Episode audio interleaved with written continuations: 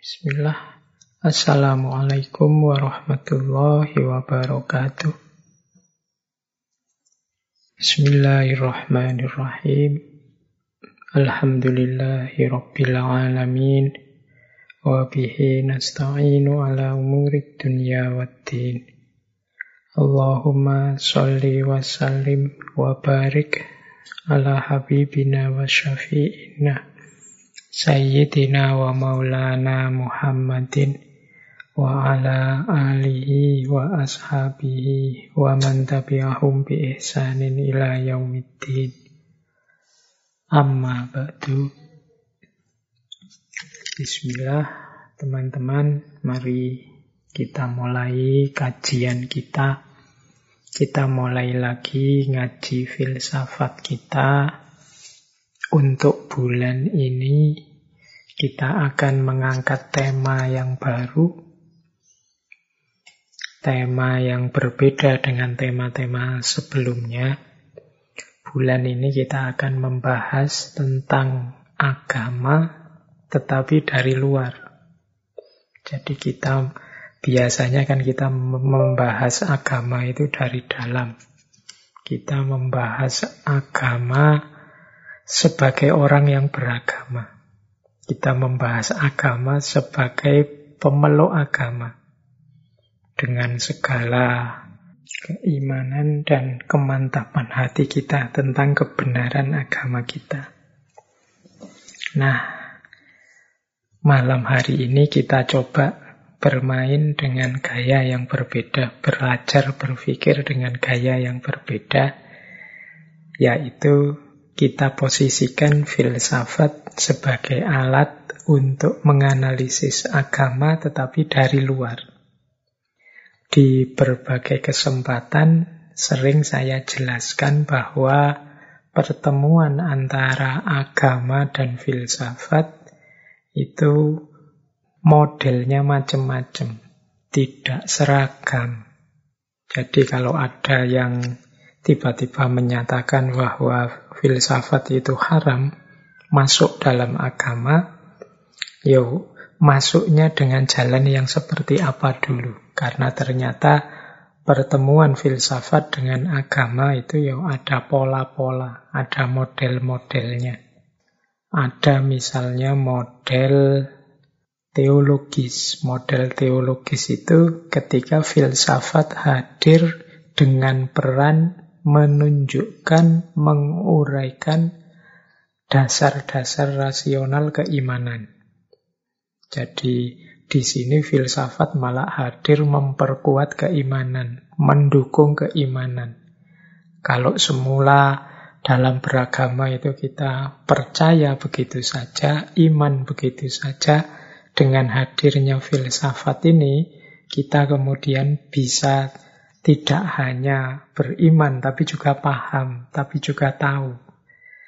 Nah, karena memang peran dan model pendekatannya filsafat itu kan menggali makna berpikir sedalam-dalamnya. Termasuk ketika bertemu agama, dia mengurai pemahaman-pemahaman tentang keimanan. Dari sini kemudian dia berperan memperkuat agama. Jadi justru dengan hadirnya filsafat kita tambah mantep. Kita tahu sekarang apa alasannya mengapa kita harus beriman. Kita tahu sekarang apa dasarnya kita harus percaya. Nah, ini ada gaya pertama. Nanti ada juga gaya independen atau kadang orang menyebutnya gaya sekuler. Gaya independen ini tidak anti agama sebenarnya, tapi dia punya pandangan agama itu punya cara berpikir sendiri, punya jalan berpikir sendiri sehingga tidak harus kemudian dijelaskan dengan sain atau dengan filsafat. Orang yang beragama silahkan saja beriman, nanti yang berfilsafat ya berpikir tentang hal-hal selain itu. Nah ini jalur independen, masing-masing jalan dengan pendekatannya sendiri-sendiri, masing-masing jalan dengan gayanya sendiri, tidak saling mengganggu. Di level 2 ini pun sebenarnya aman-aman saja keimanan kita. Wong filsafat itu mengurai hal-hal yang lain. Kalau untuk agama ya beriman saja yang memang mengimani. Tidak akan diganggu gugat karena diasumsikan dua hal yang berbeda. Filsafat itu jalur rasional, jalur akal, sementara agama itu jalur keimanan, jalur kepercayaan. Nah, ini gaya kedua. Ini filsafat tidak mengganggu gugat keberadaan keimanan. Kemudian ada gaya ketiga yang malam hari ini kita coba mengangkatnya, yaitu filsafat menganalisis, memberi perspektif terhadap fenomena keagamaan. Ya, seperti saya bilang tadi, sekarang kita melihatnya dari luar. Jadi kita melihat seperti apa sih orang beragama itu. Nah, dari sini kemudian ada berbagai perspektif. Ada yang melihat dari perspektif sosial, seperti yang kita angkat malam hari ini. Ada yang melihat dari perspektif budaya. Ada yang melihat dari perspektif psikologi dan lain sebagainya. Ada banyak perspektif-perspektif tentang agama. Nah, bulan ini kita coba menggunakan gaya ini.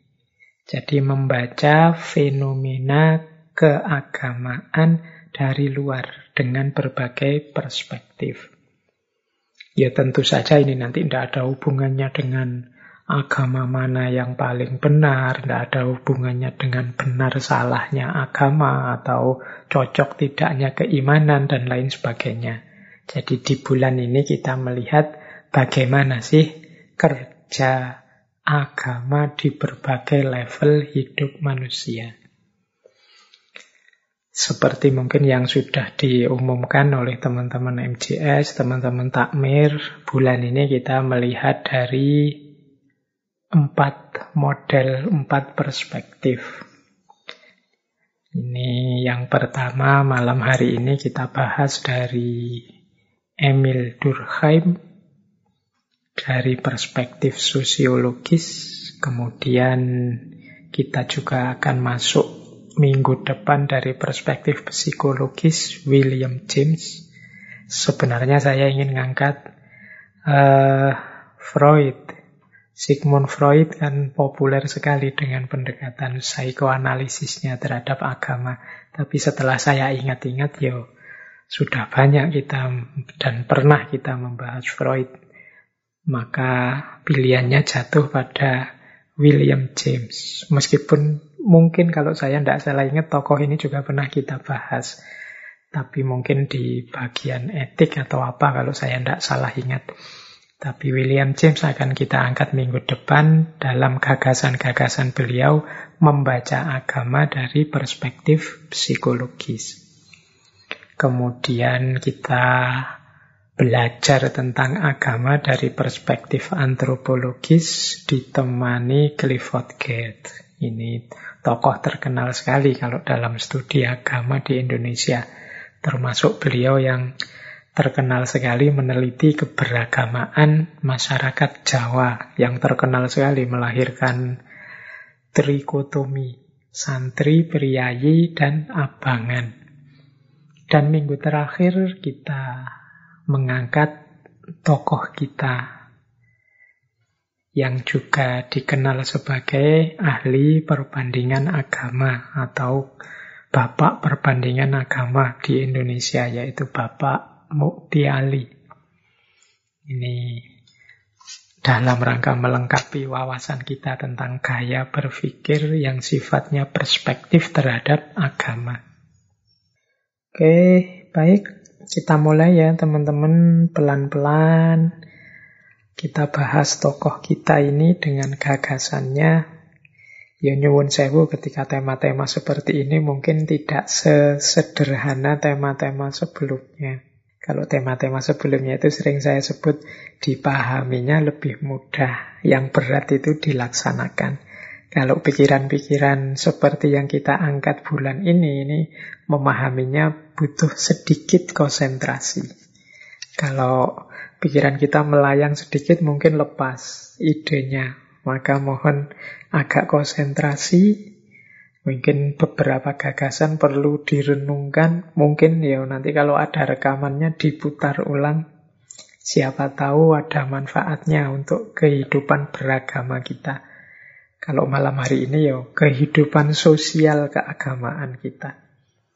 Baik, kita mulai tokoh kita malam hari ini itu ya kita mengenalnya dengan nama Emil Durkheim atau nama lengkapnya David Emil Durkheim. Beliau ini tokoh pelopor pencetus sosiologi modern Beliau ini mendirikan fakultas sosiologi pertama di dunia. Beliau ini juga yang menerbitkan jurnal ilmu sosial pertama. Beliau lahir tahun 1858 dan meninggal tahun 1917. Ya wis, saya tidak perlu merinci riwayat hidup beliau ya. Ini memang ya sejak kecil orang pinter dari keluarga terpandang, ayah dan kakeknya ini seorang rabi, berarti seorang Yahudi. Beliau lahir dari Perancis, hidup berkiprah mengabdi juga di Perancis. Riwayat hidup beliau ya menunjukkan betapa beliau ini memang ya orang pinter. Beliau ini ya ahli filsafat, ya ahli ilmu sosial, ya ahli pendidikan, ahli antropologi, dan banyak bidang-bidang lain yang beliau kuasai. Dari sisi ini saja yang mungkin sudah kelihatan betapa beliau ini memang orang yang berkualitas. Ada banyak gagasan yang dilontarkan oleh Durkheim ini, hanya saja malam hari ini kita angkat bagian pandangan beliau tentang agama. Ya referensi yang mungkin malam hari ini banyak kita rujuk dari buku beliau yang terkenal sekali yang diterjemahkan dalam bahasa Inggris judulnya The Elementary Forms of Religious Life. Jadi bentuk-bentuk dasar atau elementer kehidupan agama. Jadi ini kita akan fokus ke gagasan-gagasan beliau tentang agama. Durkheim ini ya tadi meninggal tahun 1917 tanggal 15 November. Jadi mungkin sekitar dua minggu lagi kita harus haul ini. Haulnya Emil Durkheim. Beliau meninggal sekitar usia 59. Ya beliau orang yang terpandang, beliau orang yang terhormat sebagai akademisi, meskipun mungkin ada yang sedikit menarik, akhir hidup beliau sebenarnya agak gelisah.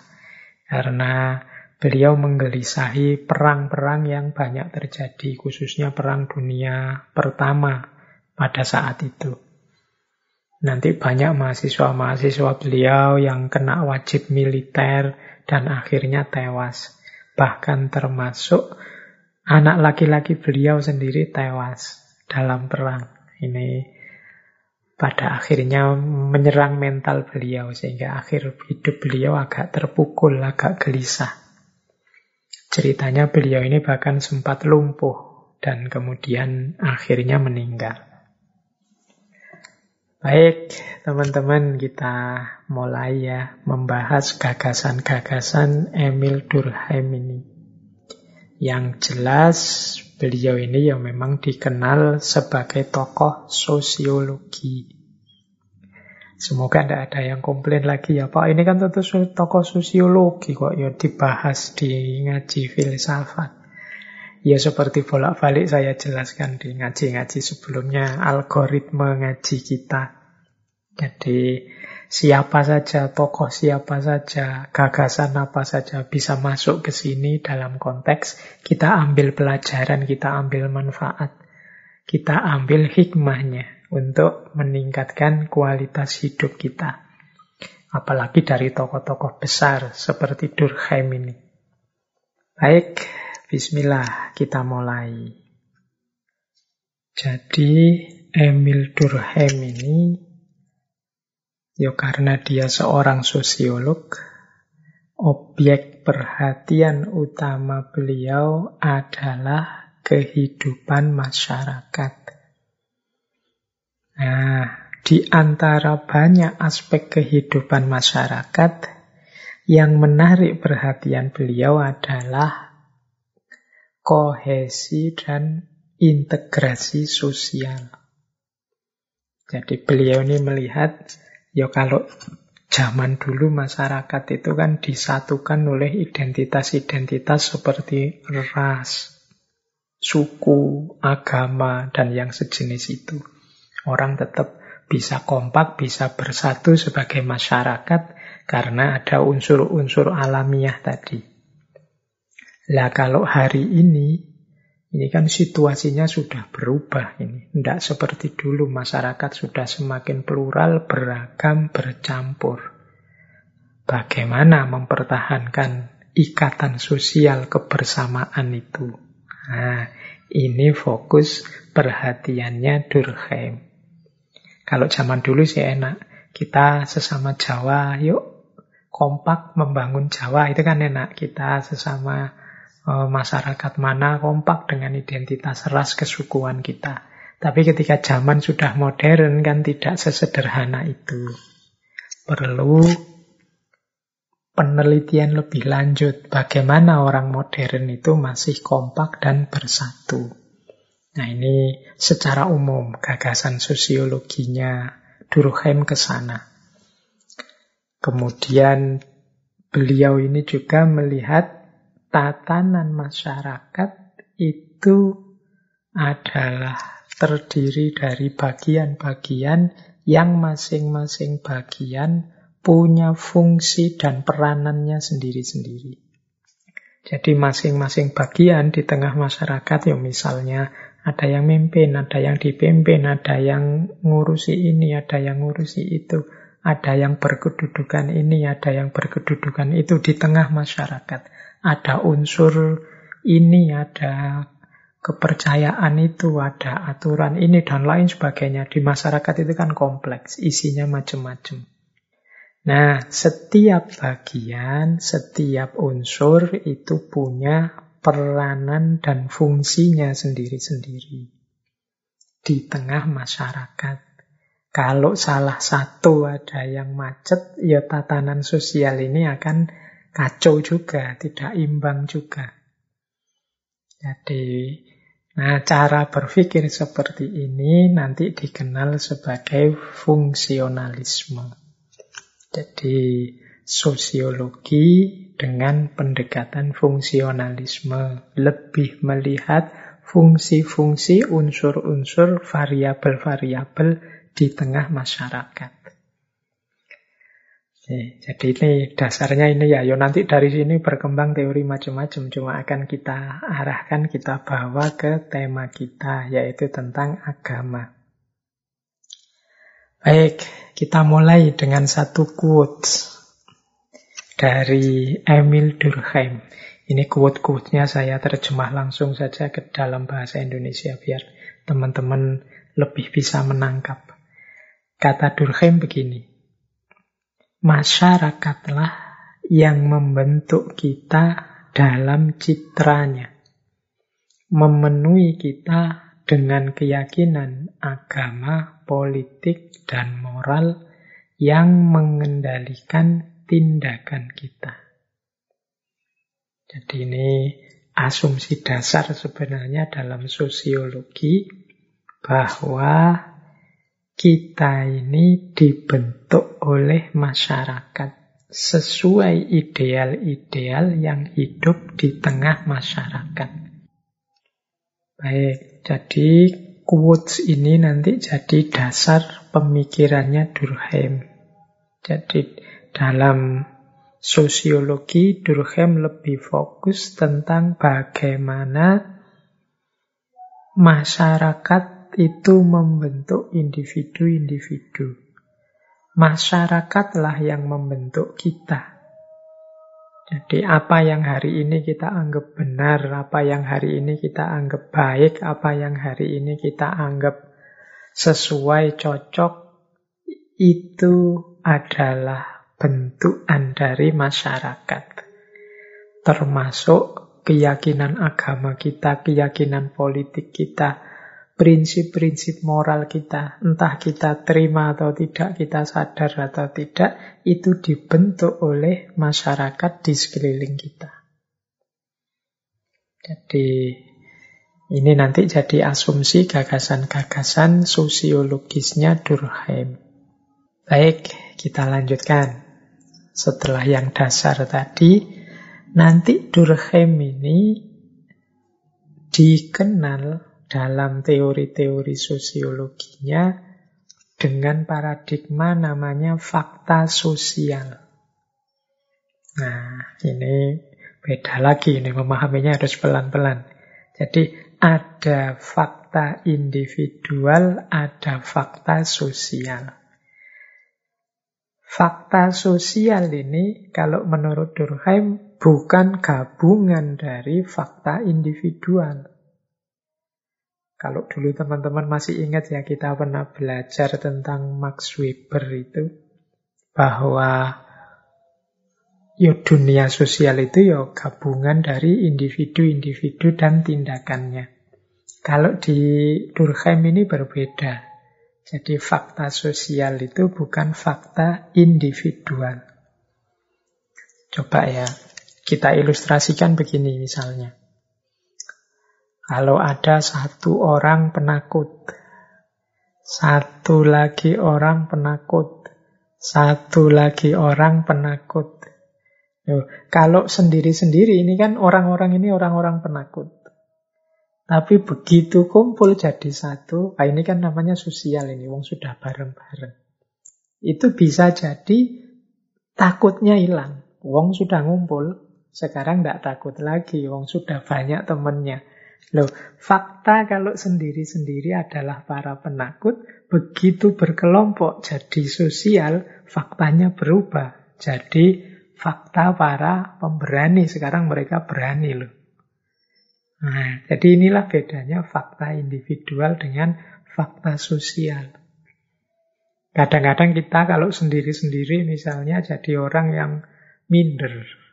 Tidak berani ini, tidak berani itu. Itu fakta individual. Tapi begitu ada temannya, karena terdorong oleh teman, terpengaruh oleh teman, mindernya hilang.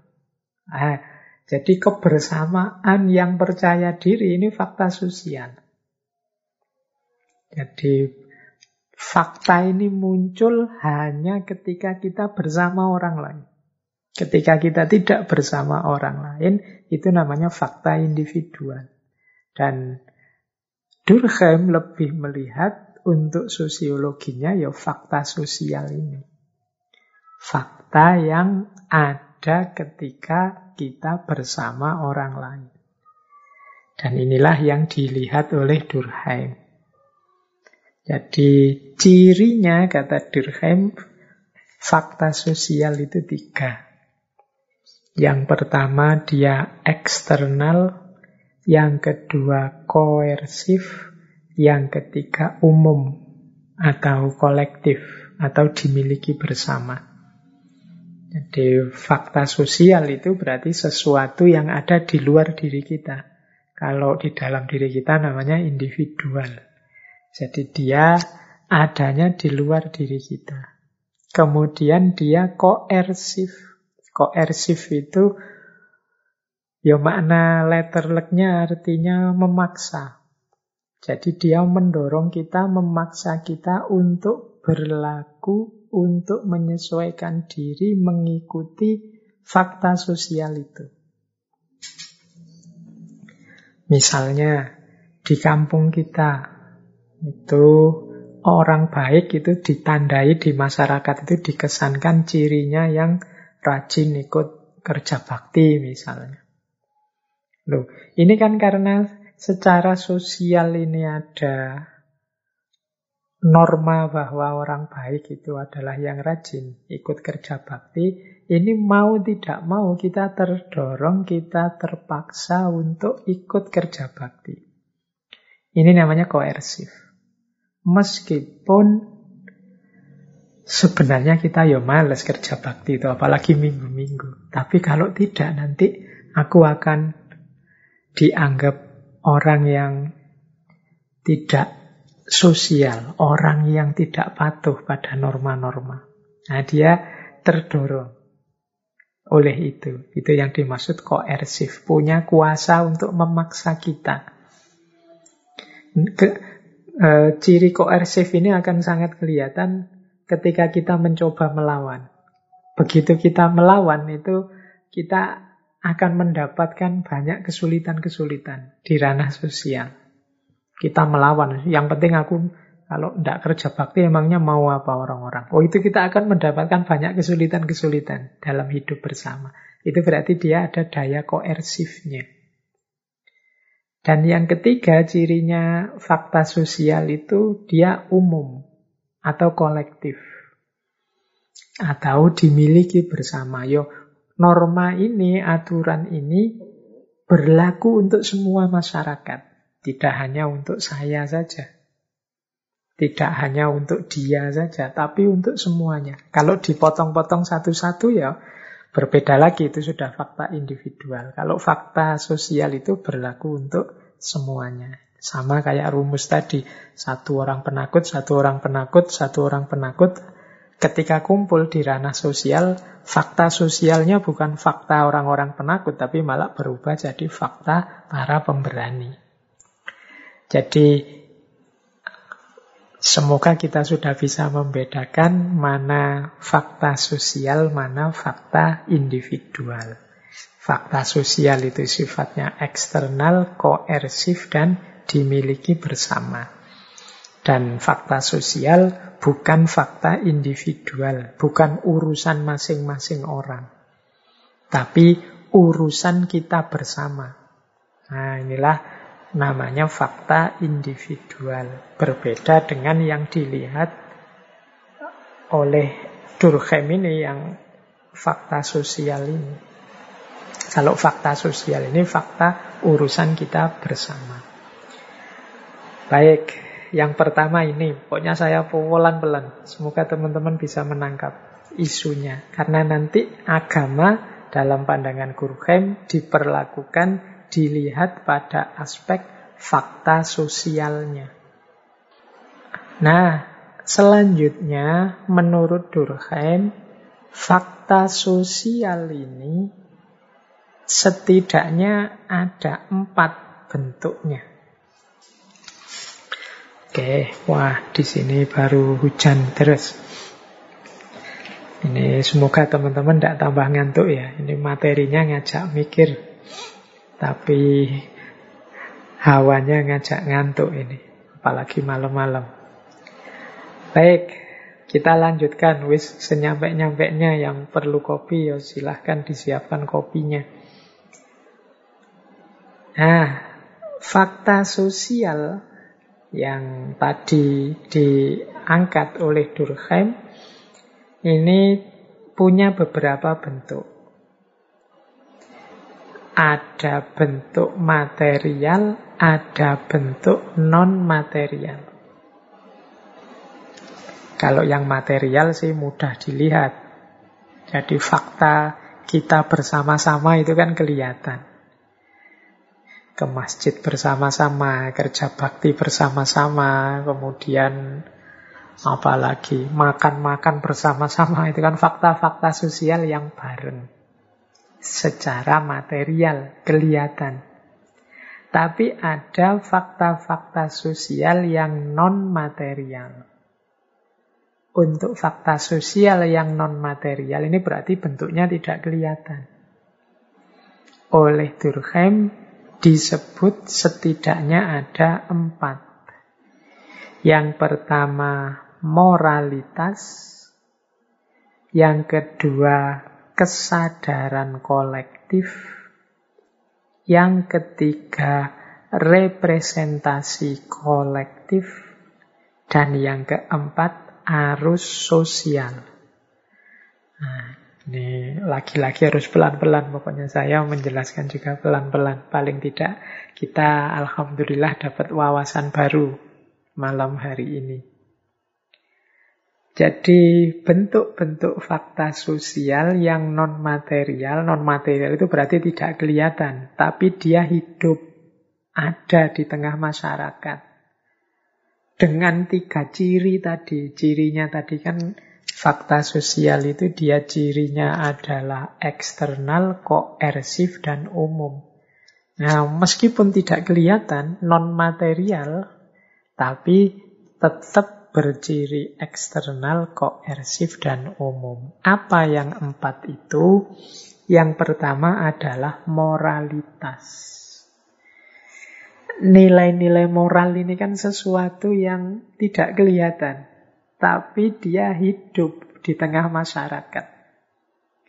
Kalau tanpa nilai-nilai ini mungkin hidup kacau balau. Durkheim mendefinisikan moralitas itu sebagai cara masyarakat untuk mengendalikan pemenuhan kebutuhan. Ini unik ya definisinya. Kita sudah sering ngaji tentang etik, tentang moral, tentang akhlak. Tapi Durkheim ini punya definisi yang unik tentang moralitas, yaitu cara masyarakat untuk mengendalikan pemenuhan kebutuhan. Jadi, dalam perspektifnya Durkheim, Yo setiap orang itu kan punya kebutuhan-kebutuhan, punya keinginan-keinginan, punya target-target. Ini kalau dilepaskan begitu saja tanpa dikendalikan, yo keinginanku dengan keinginan kalian, dengan target-target kalian itu bisa jadi tabrakan tidak karu-karuan. Saya ingin nomor satu, teman yang di sana juga ingin nomor satu, yang sini juga ingin nomor satu. Wah ini kalau tidak diatur, ini bisa rebutan tidak karu-karuan. Di situlah kemudian masyarakat melahirkan, memunculkan, menyusun nilai-nilai moral. Jadi dalam rangka apa? Biar manusia ini dalam memenuhi kebutuhannya terkendali. Ya setiap orang memang punya naluri seksual misalnya. Tapi kan tidak berarti kemudian kan ini manusiawi Pak. Kita punya naluri seksual. Saya lampiaskan suka-suka saya. Tidak begitu. Kalau semuanya begitu, struktur masyarakat bisa kacau. Di situlah kemudian masyarakat menampilkan nilai-nilai moral. Jadi moralitas itu caranya masyarakat untuk mengendalikan pemenuhan kebutuhan. Kita ya butuh makan, dia butuh makan. Tapi kalau tidak diatur norma dan nilai-nilainya, ini sama-sama butuh makan, bisa saling jegal, bisa saling menjatuhkan, bisa saling bunuh ini. Nah, di situ perlu nilai-nilai moralitas. Nah, moralitas ini bagian dari fakta sosial, meskipun dia non-material atau tidak kelihatan. Nah, yang kedua, bagian dari fakta sosial lagi yang tidak kelihatan adalah kesadaran kolektif atau bahasa Inggrisnya collective consciousness. Kesadaran kolektif ini yo yang dipercaya bersama, yang dirasakan bersama oleh masyarakat. Ini namanya kesadaran kolektif. Ya, mudahnya kesadaran kolektif itu misalnya kami semua di desa kami sadar untuk taat prokes kesehatan sekarang. Tanpa harus dipaksa-paksa, semuanya secara otomatis kemudian pakai masker menjaga jarak. Nah, ini namanya sudah jadi kesadaran kolektif. Jadi apa yang kita sadari bersama-sama. Semua orang mengikuti kesadaran ini. Itu namanya kesadaran kolektif.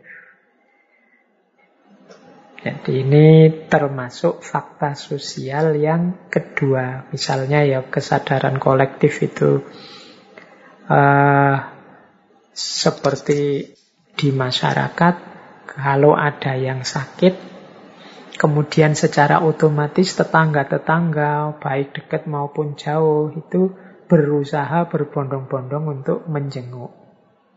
Karena ini dianggap bagian dari kepedulian sosial. Meskipun tidak ada yang ngundang, meskipun tidak ada yang woro-woro, otomatis saja pada berdatangan. Kalau ada tetangga meninggal, ya semuanya berusaha untuk membantu. Setidaknya hanya takziah, membantu pengelolaan jenazah. Ini sudah jadi kesadaran kolektif.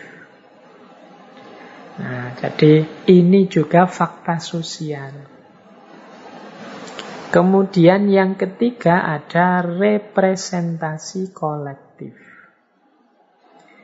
Nah, kalau representasi ini wujud atau ekspresi yang mewakili kepercayaan, mewakili norma, mewakili nilai-nilai kolektif yang kita yakini bersama. Ini namanya representasi kolektif. Misalnya representasi kolektif itu kopiah hitam. Nah, kopiah hitam ini adalah simbol Islam khas Indonesia.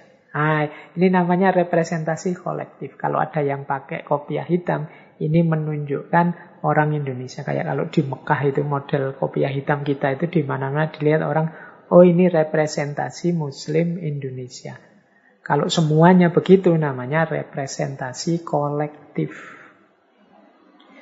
Misalnya kemudian apalah orang Kanada itu apa pandangan tertentu bahwa yang menggunakan jenggot ini representasi apa, yang pakai kumis ini representasi apa, yang kumis dan jenggot ini representasi apa, masyarakat yang seperti apa. Ini namanya representasi kolektif. Jadi mewakili kepercayaan norma nilai bersama. Ya kalau tadi kan kesadaran, ya kesadaran itu muncul dalam diri masyarakat. Nah, biasanya terus disimbolkan, direpresentasikan. Dari kesadaran kolektif muncul representasi kolektif. Ini simbol Indonesia loh, misalnya bendera merah putih. Nah, itu juga jenis representasi kolektif. Jadi termasuk fakta sosial. Kemudian ada juga representasi eh, fakta sosial itu namanya arus sosial. Arus sosial itu fakta sosial yang terbentuk secara tidak teratur. Biasanya dia muncul ketika terjadi kerumunan. Fakta sosial ini, eh, arus sosial ini biasanya terjadi dalam fakta sosial yang tidak menetap. Fakta sosial itu kan nanti ada dua, yang fix dan non-fix. Fix itu yang isinya norma-norma, aturan-aturan, kesadaran kolektif. Tadi kan menetap. Kita orang Jawa ini mengutamakan kerukunan. Ini kan norma, nilai yang menetap. Tapi nanti ada namanya arus sosial. Kalau arus sosial ini tidak menetap. Jadi dia muncul insidental. Misalnya pas masyarakat marah, pas masyarakat kasihan, atau pas masyarakat sedang kecewa bareng-bareng terus melakukan sesuatu. Ini namanya arus sosial. Misalnya pas sangat marah, ada copet misalnya atau maling ketahuan, wah dipukuli bahkan ada yang sampai dibakar itu kan. Loh, ini jenis fakta sosial juga. Meskipun ya memprihatinkan, tapi ini namanya arus sosial. Kenapa fakta sosial? Karena mungkin orang ini kalau sendiri-sendiri dia tidak berani sampai bakar. Tapi berhubung banyak orang ada yang provokasi, semangatnya muncul semua, kemarahannya tersulut semua, sampai tega bakar orang. Nah, ini namanya arus sosial. Atau pas demo. Oh, kita itu kan kalau pas lagi Demo kadang-kadang kan lepas kontrol. Kita ikut arus, yang lain teriak-teriak, kita ikut teriak-teriak. Yang lain mencak-mencak, kita ikut mencak-mencak. Kadang-kadang mungkin pas nonton videonya kita malu sendiri. Kok saya bisa ya seperti itu. Itu namanya arus sosial. Jadi dia muncul sebagai fakta sosial tapi sifatnya insidental. Bukan karena kesadaran yang kolektif atau karena nilai-nilai yang menetap yang diyakini. Jadi ini namanya arus sosial. Yo, sering saya contohkan dulu waktu kita masih masih ngaji offline itu kan termasuk arus sosial itu misalnya kalau kita sendiri-sendiri misalnya ada cowok yang malu-malu kalau sama cewek, apalagi ketemu sendiri-sendiri. Tapi kalau pas bareng-bareng, beraninya muncul. Ada cewek, dia ikut sweet-sweet, ikut menyapa, ikut menggoda. Tapi kalau pas ketemu sendiri-sendiri, dia gemeteran.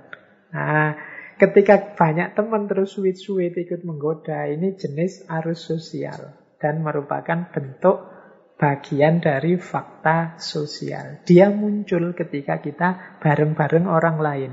Kalau sendiri-sendiri tidak.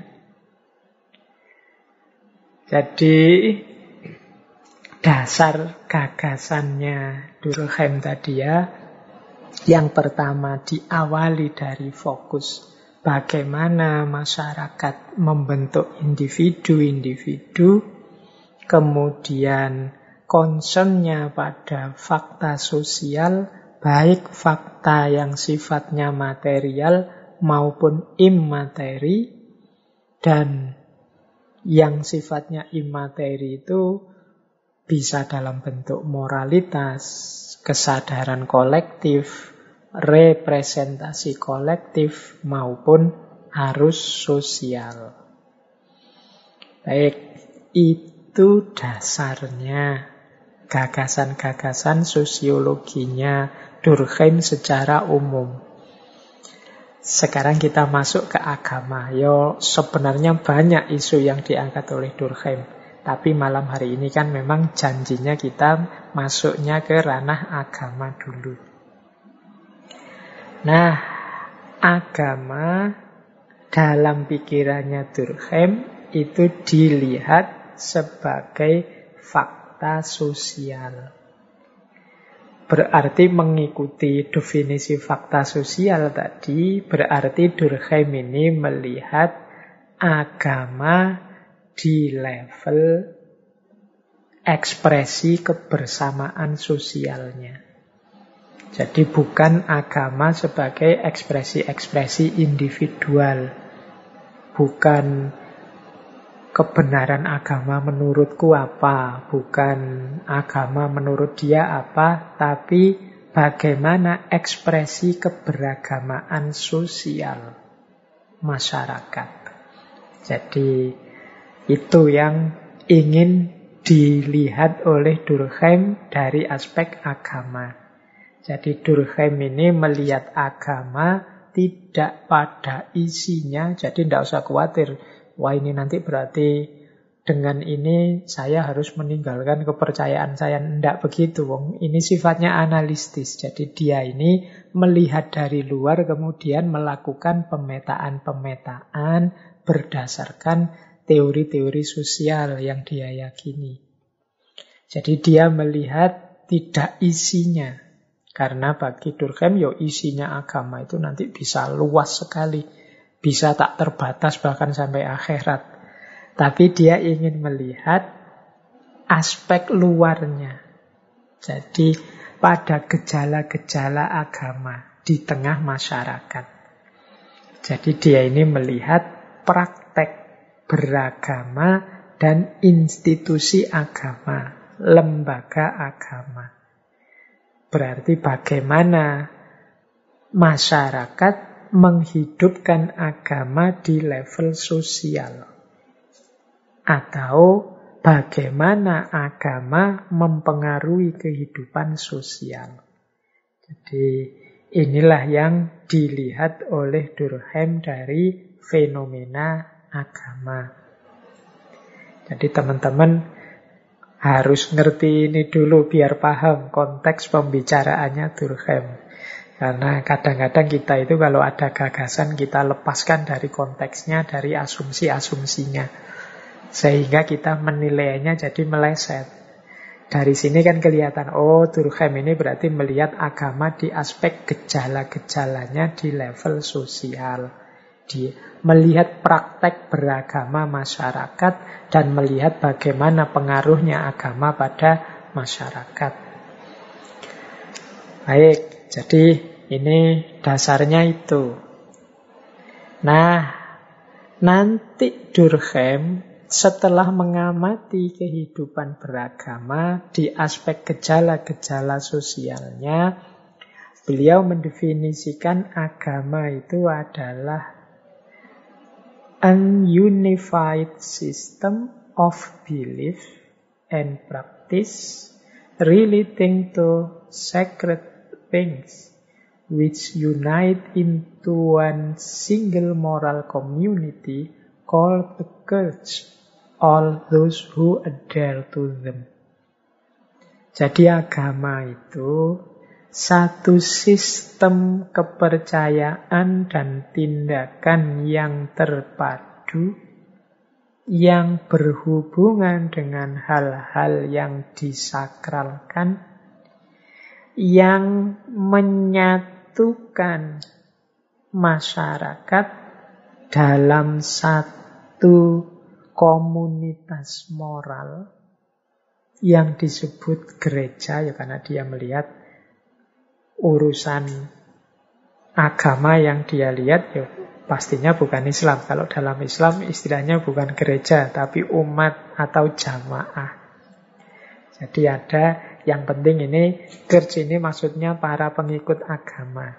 Jadi church all those who adhere to them. Jadi orang-orang yang mengafiliasikan diri, mengabdikan diri, memeluk agama itu. Jadi namanya umat atau jamaah. Jadi dari definisinya Durkheim ini, dia melihat secara sosial agama itu adalah sistem kepercayaan dan tindakan yang terpadu. Ya, terpadu itu kan maksudnya koheren.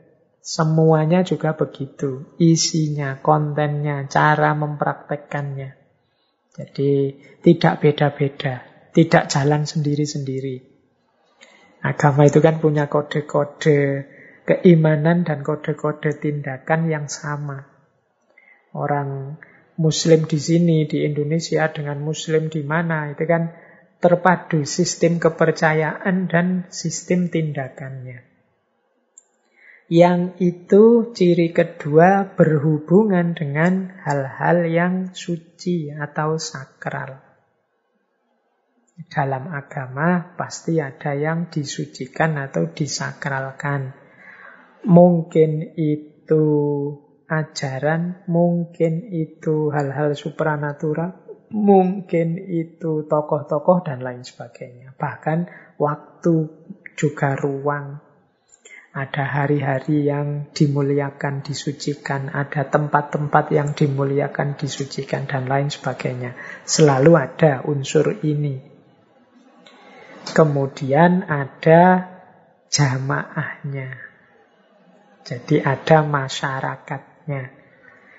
Jadi dalam definisinya Durkheim ini ternyata agama itu unsur dasarnya tiga yaitu sistem kepercayaan dan tindakan yang kedua berhubungan dengan hal-hal yang sakral dan yang ketiga ada komunitasnya. Ini yang oleh Durkheim disebut agama. Mungkin teman-teman tanya, kok tidak disebut definitif misalnya agama itu yang ada Tuhannya Pak? Yang penuh dengan supranatural misalnya. Nah, kalau menurut Durkheim, sebagian besar agama mungkin ada Tuhannya, ada supranatural-supranaturalnya. Tapi ada juga agama yang dalam tanda petik tidak ada Tuhannya. Tidak ada entitas-entitas supranatural puncak. Ada agama-agama yang isinya lebih banyak kode-kode moral saja dan lain sebagainya. Ya kalau membuat definisi kan memang tuntutannya harus utuh. Jadi maka yang lebih dilihat oleh Durkheim ya tiga unsur ini. Apalagi Durkheim hanya melihat aspek gejala di level sosial. Ayo di level sosial itu ya isinya tiga ini. Kepercayaan dan tindakan, hal-hal yang disakralkan dan yang tidak disakralkan, serta umat, komunitas, jamaah. Ini nanti dijelaskan di belakang seperti apa unsur-unsur umat komunitas jamaah itu seperti apa, hal-hal sakral itu, kemudian seperti apa sistem kepercayaan dan tindakan itu. Oke, baik, itu tadi definisinya agama. Nah, sekarang kita lanjutkan. Dasar-dasar pemikirannya Emil Durkheim tentang agama. Ini saya ambil beberapa potongan dari buku Elementary Forms of Religious Life. Kata Durkheim dari buku itu ya, ini beberapa quotes yang menurut saya menarik. Yang pertama, religion is the wellspring of social life. Agama adalah sumbernya kehidupan sosial. Nanti kita jelaskan satu-satu, kita baca dulu saja kayak orang ngaji. Meskipun bahasa Inggris. Ya meskipun bahasa Inggris saya masih dialeknya dialek Jogja, dialek Jawa. Yang kedua, religion is the collective force of society over individual. Agama adalah kekuatan kolektif masyarakat atas individu. Kemudian yang ketiga, religion is not far for the most part a matter of individual choice but instilled into the members of the society. Agama itu sebagian besar bukan masalah pilihan individu, tetapi sesuatu yang ditanamkan ke dalam diri anggota masyarakat. Yang terakhir, in reality, There are no religion which are false. All are true in their own fashion. Dalam kenyataannya, tidak ada agama yang salah. Semuanya benar dengan caranya sendiri. Nah, kalimat-kalimat ini yang pertama menunjukkan bahwa agama itu adalah sumbernya kehidupan sosial, sumbernya kekuatan sosial. Agama itu wellspring of social life dan collective force of society. Jadi, dengan adanya agama, kehidupan sosial semakin kuat. Kebersamaan semakin terjamin. Nah, jadi kolektif force. Ya mudahnya begini loh. Misalnya kita hidup di tengah masyarakat. Kok ya kebetulan masyarakat ini beragama semua, apalagi agamanya sama. Keterikatan dan kesamaan agama ini kan nanti jadi sumber kehidupan sosial yang luar biasa. Kita tidak hanya terikat secara formal mungkin oleh aturan-aturan, tapi kita juga terikat secara emosional karena agama. Apalagi orang sering bilang agama itu kan karakter emosinya kuat.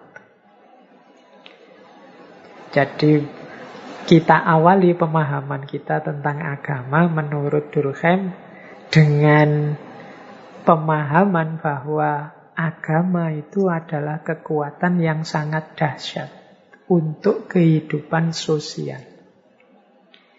Ya mungkin nanti teman-teman masih banyak pertanyaan. Lah kalau masyarakatnya beda-beda agama Pak, lah kok selama ini agama itu sering jadi sumber kekacauan, sumber masalah di level sosial. Yaitu nanti kamu bahas sendiri, kita bikin tema sendiri tentang itu. Tapi dalam cermatannya Durkheim, agama itu variabel yang sangat dahsyat dalam kehidupan sosial. Nanti ada beberapa fungsi agama dijelaskan. Jadi yang pertama ini. Yang kedua mengikuti elementary forms tadi kita selama ini kan sering bilang bahwa ya individu yang milih agama. Tapi menurut Durkheim tidak. Masyarakatlah yang memilihkan agama untuk kita. Jadi kita itu sejak kecil kan hidup di tengah masyarakat, ditanamkan ideal-ideal, prinsip-prinsip hidup oleh masyarakat sekeliling kita. Sehingga dari situ pemikiran kita terbentuk, kita punya filter-filter, standar-standar seperti yang sudah ditanamkan oleh masyarakat. Dari situlah kemudian kita memeluk agama kita. Seolah-olah prerogatif saya dong milih agama atau keluar dari agama, tapi sebenarnya itu ada pengaruh dari masyarakat tempat di mana kita hidup. Mereka lah yang menciptakan framework-framework kacamata-kacamata berpikir ini benar, ini salah, ini baik, ini buruk. Ya otomatis nanti kita akhirnya dekat dan memilih agama itu. Jadi keberagamaan kita ternyata banyak ditentukan oleh aspek eksternal, yaitu masyarakat. Meskipun mungkin kita sering gaya kan, wow beragama ini saya mikir sendiri pak, saya pilihanku sendiri milih agama ini. Tapi kalau dalam perspektifnya Durkheim, ah masa begitu? Wong caramu berpikir, kacamata-kacamata, filter-filtermu tentang mana baik, mana buruk, mana benar, mana salah, itu yang menanamkan awalnya ya masyarakatmu. Di situlah engkau terbentuk sehingga mau tidak mau akhirnya menurutmu ya agama itu yang paling baik, agama itu yang paling benar. Wong basis berpikirnya sudah ditanamkan di masyarakat. Nah, ini kedua, asumsi kedua dalam memahami agama versinya Durkheim. Nah, yang ketiga itu tadi In reality, there are no religion which are false. All are true in their own fashion. Dalam kenyataannya tidak ada agama yang sesat. Semua agama benar in their own fashion. Perhatikan kalimat yang terakhir ya, biar tidak salah paham. Karena kadang-kadang orang itu suka motong-motong di tengah. Padahal itu ada kalimat selanjutnya. In their own fashion. Dengan caranya sendiri. Jadi di level sosial, kembali lagi, ini level sosial loh ya, bukan level keyakinan. Semua agama itu benar, baik. Dengan caranya sendiri. Maksudnya dengan caranya sendiri itu keberagaman agama itu di masyarakatnya masing-masing selalu menjadi variabel penguat kehidupan sosial. Jadi masing-masing punya sisi manfaat dan kebenarannya. Apalagi nanti Durkheim ini alirannya fungsionalis. Jadi ketika dia melihat fungsinya agama. Ya, secara fungsional itu kan berarti perannya agama, agama apa pun itu di tengah masyarakat pemeluknya, dia adalah memberi manfaat. Yo bahasa lainnya all are true. Yo benar semua kalau dilihat dari aspek gejala sosialnya. In their own fashion, sesuai dengan mode mereka sendiri-sendiri sesuai dengan gayanya masing-masing. Jadi di level sosial fungsional ya semua agama ada manfaatnya untuk masyarakatnya masing-masing. Ringkasnya begitu. Nah, kemudian ada satu kalimat lagi yang menurut saya nanti jadi kunci, yaitu religious representation a collective representation which express collective realities. Representasi-representasi agama adalah representasi kolektif yang menunjukkan realitas kolektif. Ini kalimatnya harus dicermati pelan-pelan. Kita definisikan dari awal. Representasi agama maksudnya apa? Yo, representasi sosial dari agama, baik yang material maupun non-material. Agama ini kan hidup di tengah masyarakat. Dia punya mode ekspresi sendiri. Yang tentunya disepakati oleh masyarakat. Yo yang benar itu, yang baik itu. Jadi representasi agama itu sebenarnya menunjukkan representasi dari masyarakat. Collective representation. Misalnya kalau di Indonesia atau di Jawa atau di kampung kita saja ke masjid itu ya ditunjukkan dengan cara representasi pakai sarung dan kopiah misalnya. Itu kan religious representation. Dan ini bisa jalan yang semacam ini pakai kopiah dan sarung ini dihargai, dihormati, tetap berjalan karena dia apa? Sudah disepakati. Disetujui oleh masyarakat, ya memang begitu.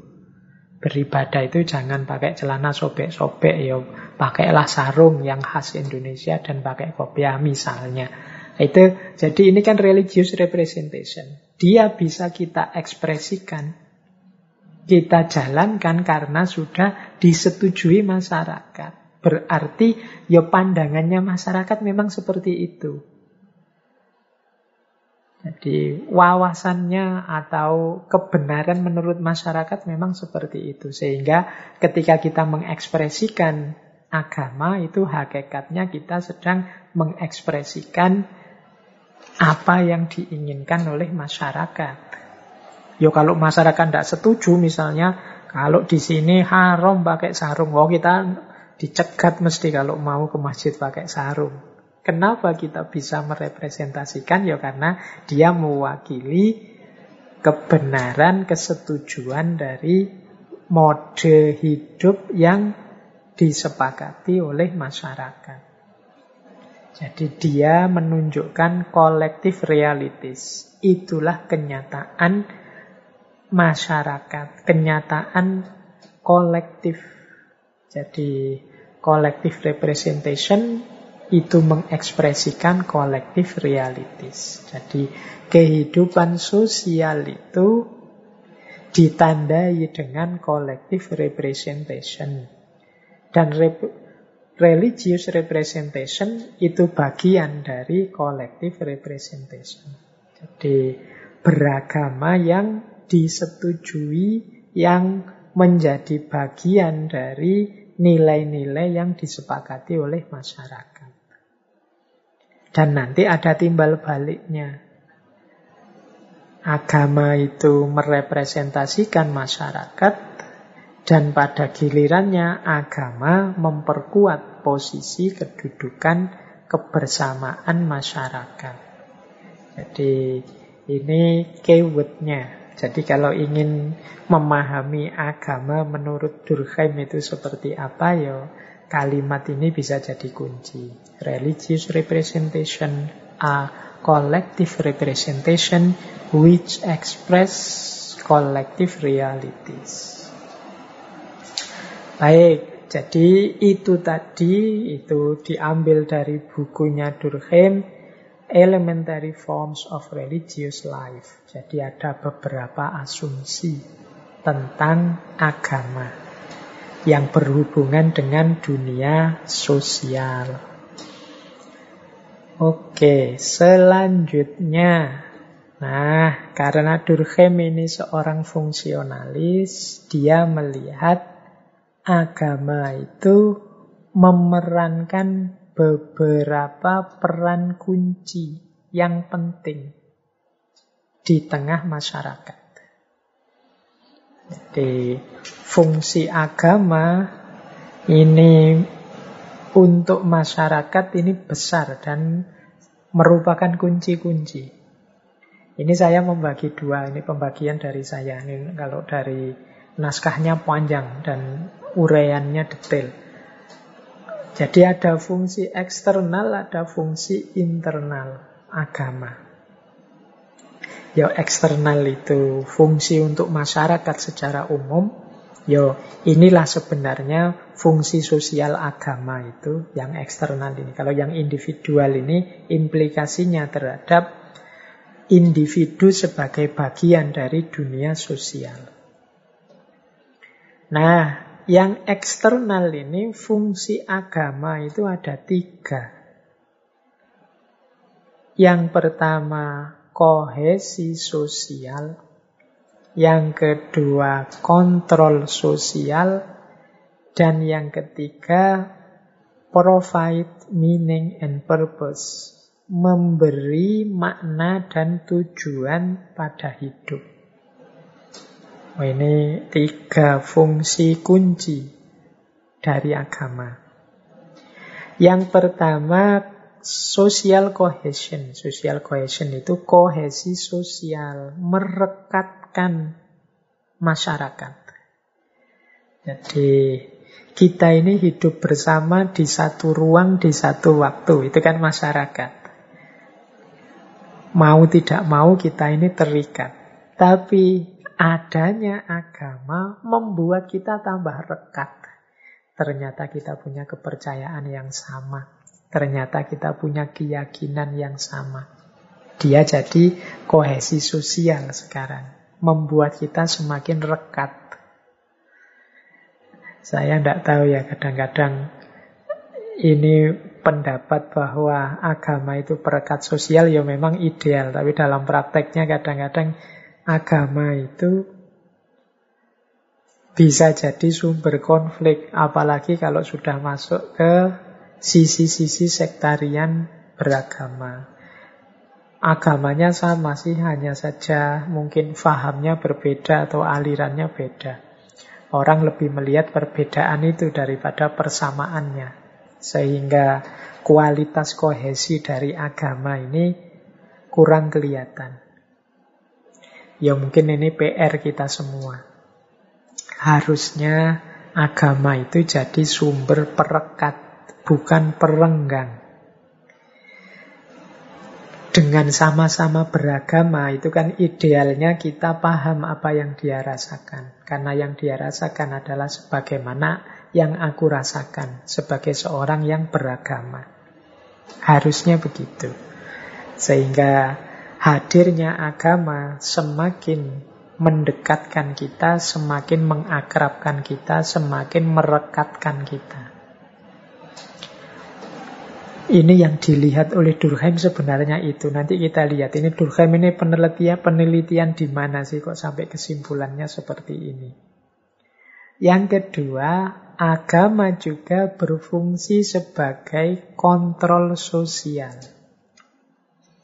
Jadi kontrol sosial itu berarti ya dengan beragama orang itu bisa ngontrol dengan agama yang ada di tengah masyarakat, orang ini bisa ngontrol siapa saja yang masih termasuk kalangan kita, siapa yang bukan kita. Siapa yang melakukan hal-hal yang tidak sesuai dengan kita dan siapa yang masih konsisten menjalankan hal-hal yang sudah kita sepakati bersama. Nah ini agama bisa berperan jadi sosial kontrol.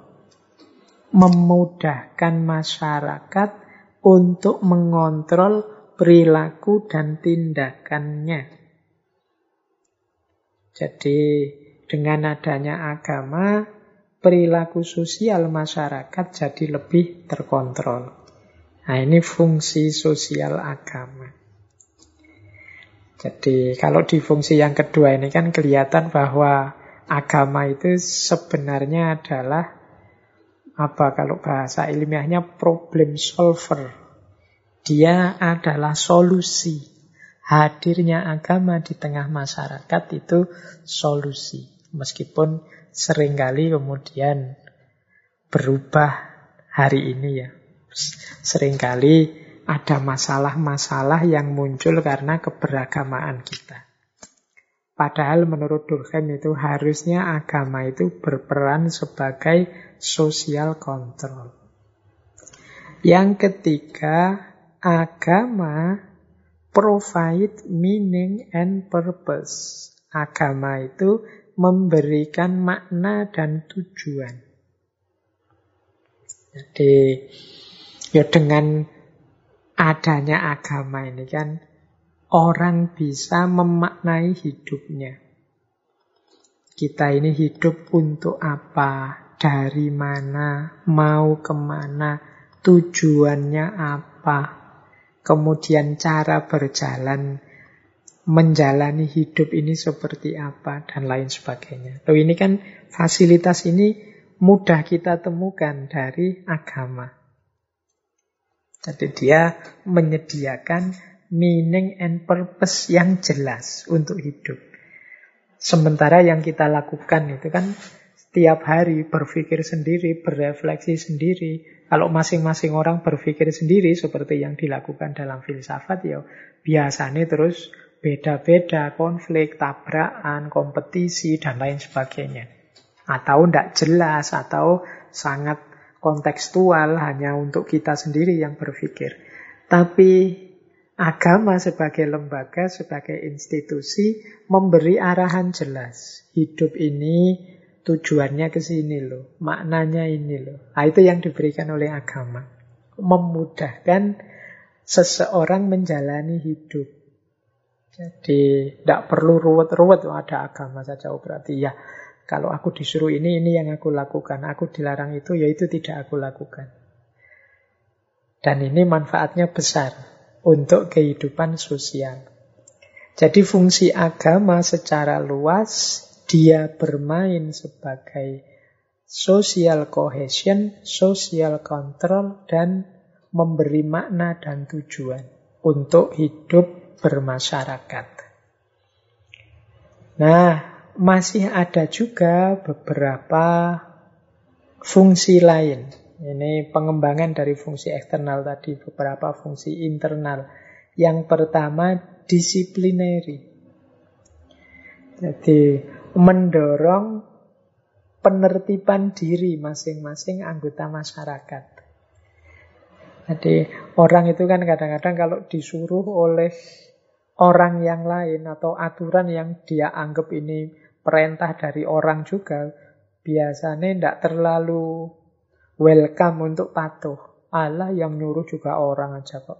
Nah, itu kan sulit memaksanya. Khawatir orang itu memang takut dizolimi, takut ditindas. Jadi dia selalu waspada. Kalau yang merentah ini orang biasa atau yang merentah ini tidak luar biasa. Tapi agama, ya agama ini kan diimani, diyakini ada sumber-sumber supranatural, ada yang luar biasa, yang lebih besar di luar manusia. Yang mendorong untuk berperilaku yang baik, yang tertib. Nah, kalau yang merintah agama, orang biasanya cenderung lebih patuh. Karena dia tahu meaning dan purpose-nya hidup ini, serta hal-hal besar yang lebih besar dari dirinya. Jadi secara sosial hadirnya agama kadang-kadang tidak disadari membantu seseorang untuk disiplin, tertib. Kalau tidak boleh ya tidak boleh. Kalau boleh ya boleh. Kalau harus dijalankan, dijalankan. Itu kalau ada embel-embel ini agama loh yang nyuruh, itu biasanya orang cenderung lebih patuh. Kemudian yang kedua kohesif. Sama kayak yang eksternal tadi ya. Kohesif ini maksudnya membuat seseorang lebih terikat dengan masyarakatnya. Lebih punya sense of belonging. Aku ini bagian dari masyarakatku. Karena masyarakatku juga cerminan dari diriku. Kita punya dasar agama yang sama. Jadi ada fungsi kohesifnya. Meskipun fungsi kohesif ini secara individu yang berhubungan dengan masyarakatnya. Kemudian vitalizing. Vitalizing ini uh, membuat hidup lebih semangat, lebih bergairah, lebih apa lagi? Lebih merasa terdorong. Jadi agama ini semacam booster dalam hidup kita. Itu namanya vitalizing, membuat kita semakin tinggi vitalitasnya, semakin bersemangat. Karena ada dorongan-dorongan dari agama. Kemudian yang keempat adalah fungsi euforik. Membuat gembira, membuat bahagia, membuat senang. Jadi membuat orang exciting. Agama itu kan dengan cara hidup yang ditawarkan, termasuk harapan-harapan yang diberikan, termasuk kegembiraan-kegembiraan yang dijanjikan dan lain sebagainya membuat orang ini moodnya jadi berubah moodnya jadi baik membuat orang ya kayak tadi semangat membuat orang bergairah membuat dia meluap-luap rasa dalam dirinya jadi kebahagiaan muncul wah ini penting di tengah masyarakat jadi gunanya agama secara sosial yang paling utama itu tiga, dia berperan sebagai social cohesion, social control, dan provides meaning and purpose.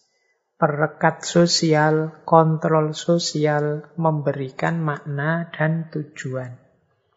Kemudian dia juga memberikan kualitas hidup kita yang lebih baik dengan disiplin, kemudian kebersamaan, kemudian semangat yang senantiasa bertambah, dan jiwa yang selalu bahagia gembira. Nah, ini bagian-bagian dari fungsi agama menurut Emil Durkheim. Oke, saya lanjutkan lagi ya. Nah, ada satu konsep menarik dari Durkheim yang kalau kita hubungkan dengan agama, ini mungkin bisa jadi pijakan analisis kita tentang yang kita rasakan saat beragama bersama yang lain. Ada istilah dari Durkheim namanya collective effervescence. Collective effervescence ini, effervescence itu apa yang terjadi ketika kita merasa wow, kita merasa bagian dari sesuatu yang lebih besar dari diri kita dan kita ingin berbagi kesadaran ini bersama yang lain. Jadi effervescent itu sebenarnya makna letter leknya bui. Boso ini untuk. Untuk itu kalau teman-teman menuangkan Coca-Cola atau Sprite lah ke gelas itu kan ada buihnya, effervescent. Nah, effervescent ini diawali dari kebanggaan kita, rasa wow kita sebagai bagian dari masyarakat yang lebih besar dari kita. Nah, ketika semua masyarakat anggota di situ merasakan seperti ini, ya terjadilah kolektif effervescence. Semua bangga sebagai anggota masyarakat. Nah, orang-orang yang bangga ini, orang-orang yang merasa excited dengan kehidupan sosialnya, ya antara lain karena agama tadi, kebersamaan, keterikatan, kegembiraan karena agama. Kata Durkheim, orang ini punya ciri energinya menggelora, semangatnya memuncak, emosinya menguat.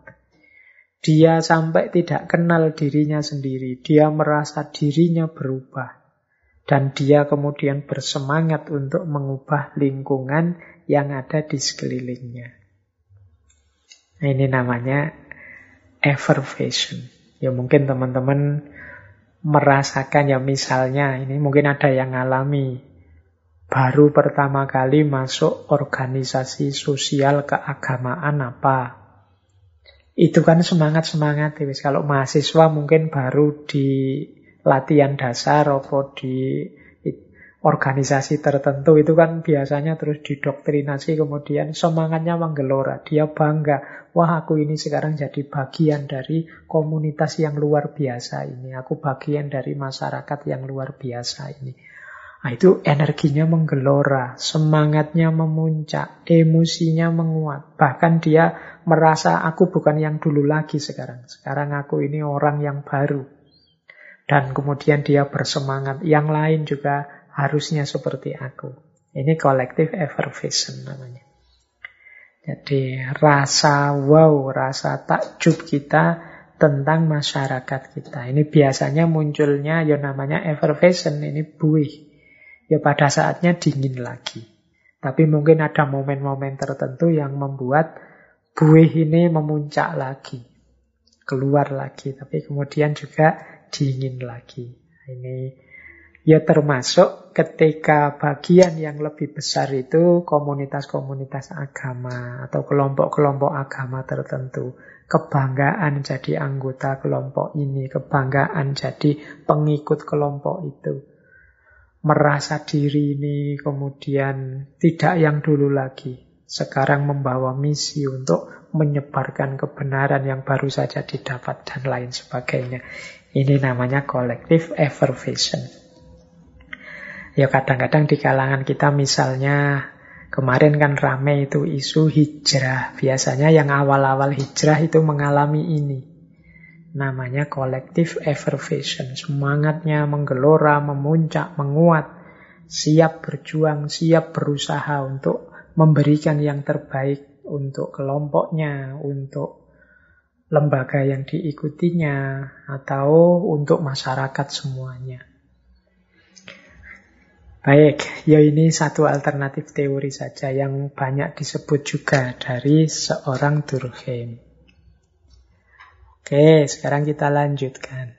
Nah, ini babak selanjutnya tema kita, mari kita telusuri kesimpulan-kesimpulan tentang agama seperti yang dijelaskan tadi oleh Durkheim, ini sumbernya dari mana sih?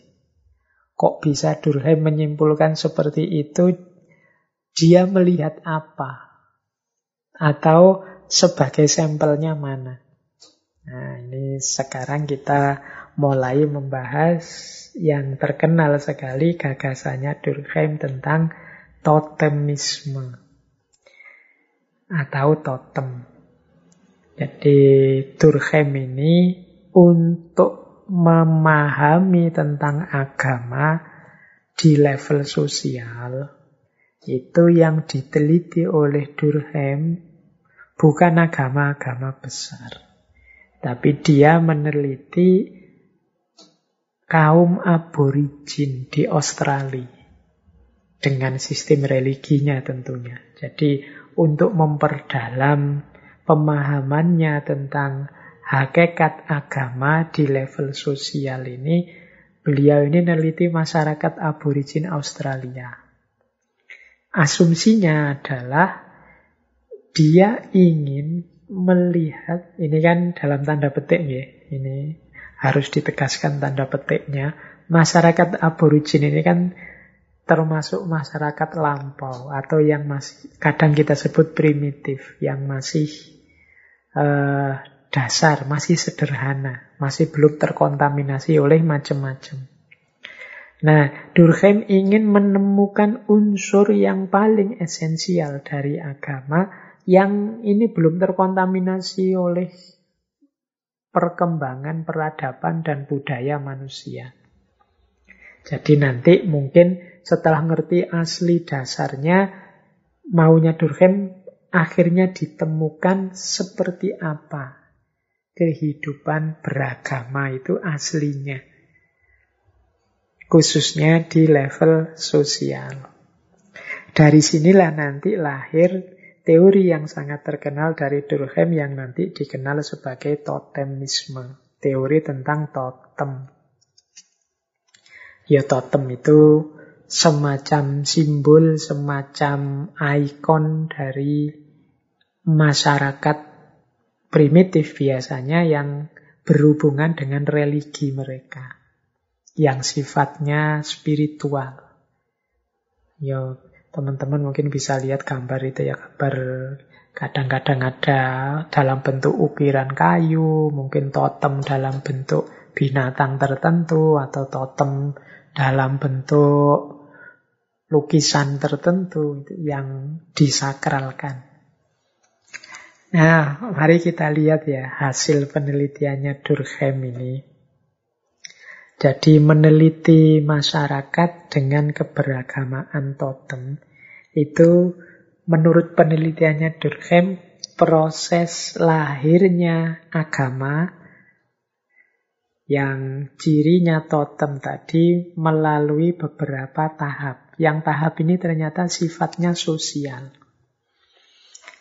Jadi ada di catatan saya itu sekitar lima fase jadi lahirnya totemisme itu awalnya sebenarnya ya interaksi antar manusia. Jadi dulu awalnya manusia primitif itu kan nomaden, hidup sendiri-sendiri.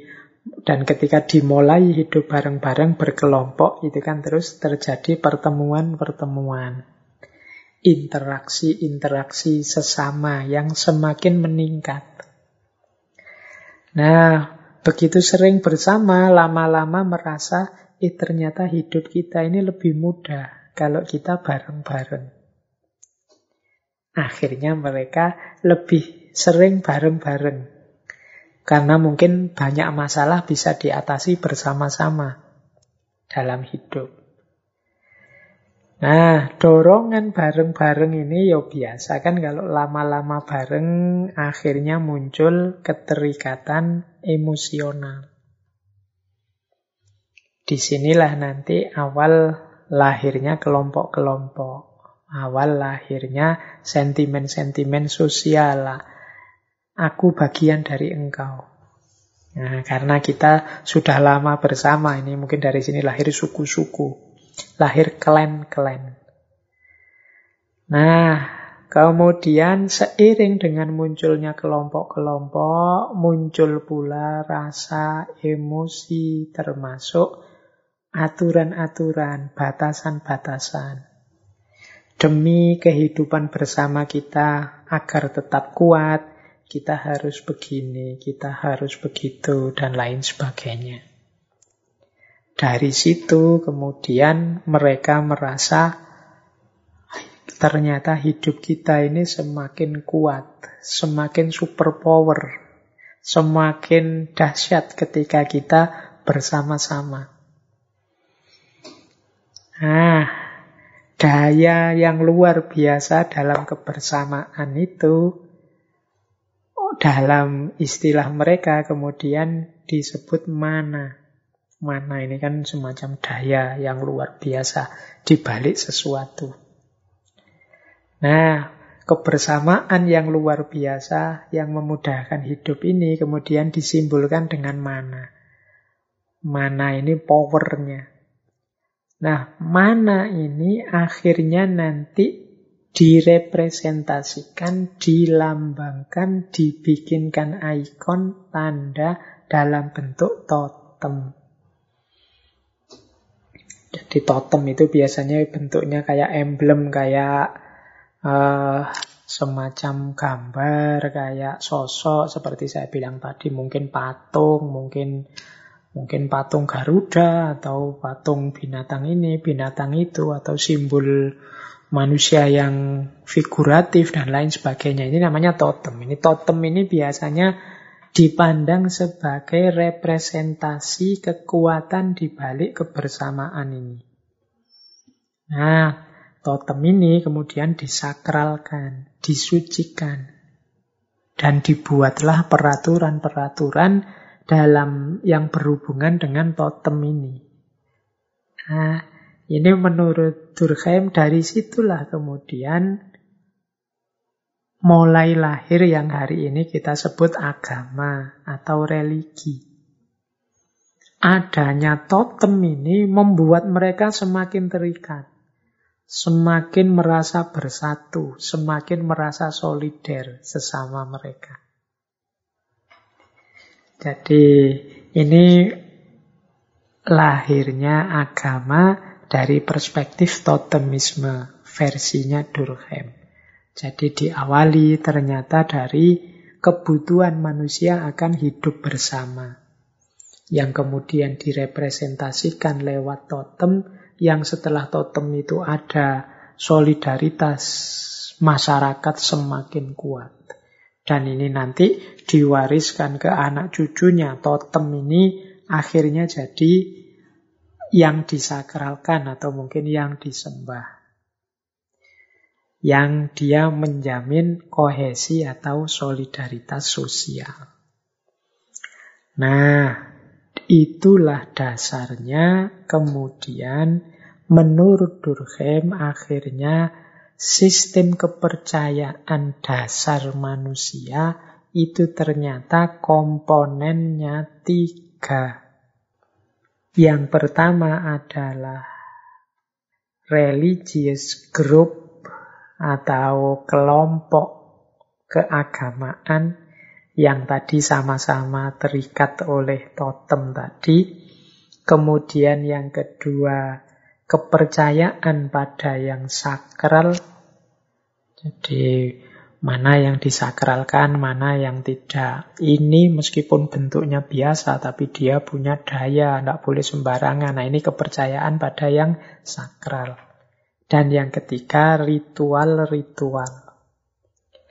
Jadi komponen beragama itu dengan melihat aktivitas totemisme dalam masyarakat aborigin Australia disimpulkan oleh Durkheim berarti elemen dasar agama atau sistem kepercayaan itu tiga, yaitu kelompok agama, atau tadi disebut jamaah, umat, gereja, dan lain sebagainya.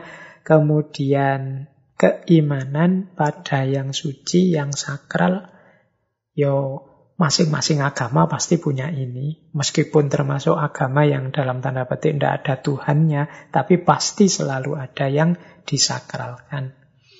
Dan yang ketiga ritual. Nah, coba ya kita cermati satu-satu.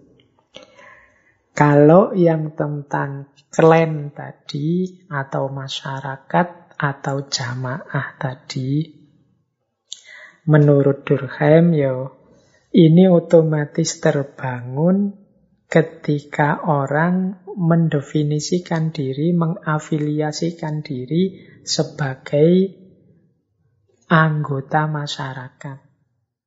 Sehingga dia mengikuti sistem sosial kebersamaan yang ada di situ. Menurut Durkheim, ada pergeseran makna masyarakat atau klan antara sebelum terbentuknya totem dan setelah terbentuknya totem. Sebelum totem yang disebut anggota masyarakat itu kata Durkheim ya biasanya adalah yang punya hubungan darah. Jadi yang masih anaknya, cucunya, menantunya, dan lain sebagainya. Jadi anggota masyarakat itu semuanya berhubung klan itu semuanya ada hubungan darah. Tapi setelah munculnya totem ini, semakin luas anggota masyarakat itu karena siapa saja yang mendefinisikan dirinya sebagai bagian dari totem itu ya dia dianggap sebagai satu kelompok, sebagai masyarakat. Jadi yang mudahnya siapa saja yang masuk agama itu ya sudah dianggap saudara. Jadi tidak lagi ada pertimbangan darah, tapi pertimbangannya lebih pada totemnya. Jadi totem sekarang jadi yang mempersatukan klan semuanya. Tidak hanya karena hubungan darah, tapi siapa pun yang mengakui dan menerima totem. Nah, dalam aspek masyarakat atau jamaah atau klan inilah nanti totem atau agama ini berkembang. Di situ muncul variabel-variabel sosial untuk demi lestarinya masyarakat, demi lestarinya totem ini. Biasanya di situ ada variabel-variabel. Yang pertama adalah nilai-nilai atau norma-norma. Kemudian kontrol sosial. Jadi bagaimana caranya yang sakral tetap disakralkan, jangan ditabrak, jangan dimain-mainkan. Ini perlu kontrol-kontrol sosial. Kontrol sosial biasanya berhubungan dengan sanksi sosial. Kemudian juga biasanya juga melakukan aktivitas-aktivitas sosialisasi. Sosialisasi itu Mungkin kalau bahasa Islam semacam dakwah, jadi ngajak-ngajak yang lain untuk juga menjadi bagian dari totem. Kemudian ada juga institusi-institusi seperti perkawinan, seperti pengetahuan, dan lain sebagainya. Keluarga, dan lain sebagainya. Jadi ini istilahnya klan, masyarakat, jamaah, umat yang ini dipersatukan oleh totem. Jadi semua yang dipersatukan oleh totem berarti bagian dari totem itu. Kemudian yang kedua setelah masyarakat adalah pembedaan antara yang sakral dan yang profan. Sakral itu berarti segala sesuatu yang dihormati, diistimewakan. Kalau yang profan itu yang biasa-biasa, yang rutin saja. Nah, dalam kasus totemisme tadi, ya totem itu dianggap suci, dianggap sakral, dihormati, disembah. Dan segala yang berhubungan dengan totem kemudian juga dianggap sakral. Jadi Sakral itu segala sesuatu yang diistimewakan. Ya banyak lah, kalau dalam agama itu kan banyak sekali. Yang sakral-sakral. Tidak hanya barang seperti totem, ada kalanya juga waktu. Misalnya hari ini lebih utama daripada hari biasa, tanggal sekian lebih istimewa daripada tanggal-tanggal biasa, jam-jam ini lebih utama, ini waktu-waktu sakral. Ada juga ruang-ruang yang sakral. Tempat ini lebih utama, tempat itu lebih utama. Kalau yang seperti ini biasa-biasa saja. Nah, ini kan ada waktu-waktu sakral. Belum lagi benda-benda sakral. Kalau mau menyentuh harus membersihkan diri dulu. Kalau mau masuk harus uh, cuci tangan dulu. Kalau mau apa, ini berarti ada menyikapi benda-benda yang disakralkan. Jadi biasanya yang disakralkan itu bagian dari religious representation atau collective representation. Jadi ekspresi dari ekspresi kolektif. Mengapa sifatnya kolektif? Ya karena disepakati semua anggota masyarakat. Jadi kalau kita nabrak yang harusnya disakralkan, kok kita tabrak begitu saja, tidak kita sakralkan, ya kita akan berhadapan dengan masyarakat. Misalnya di tempat tertentu, untuk masuk ke sini itu sopan santunnya harus pakai baju semacam ini, harus pakai kostum semacam ini.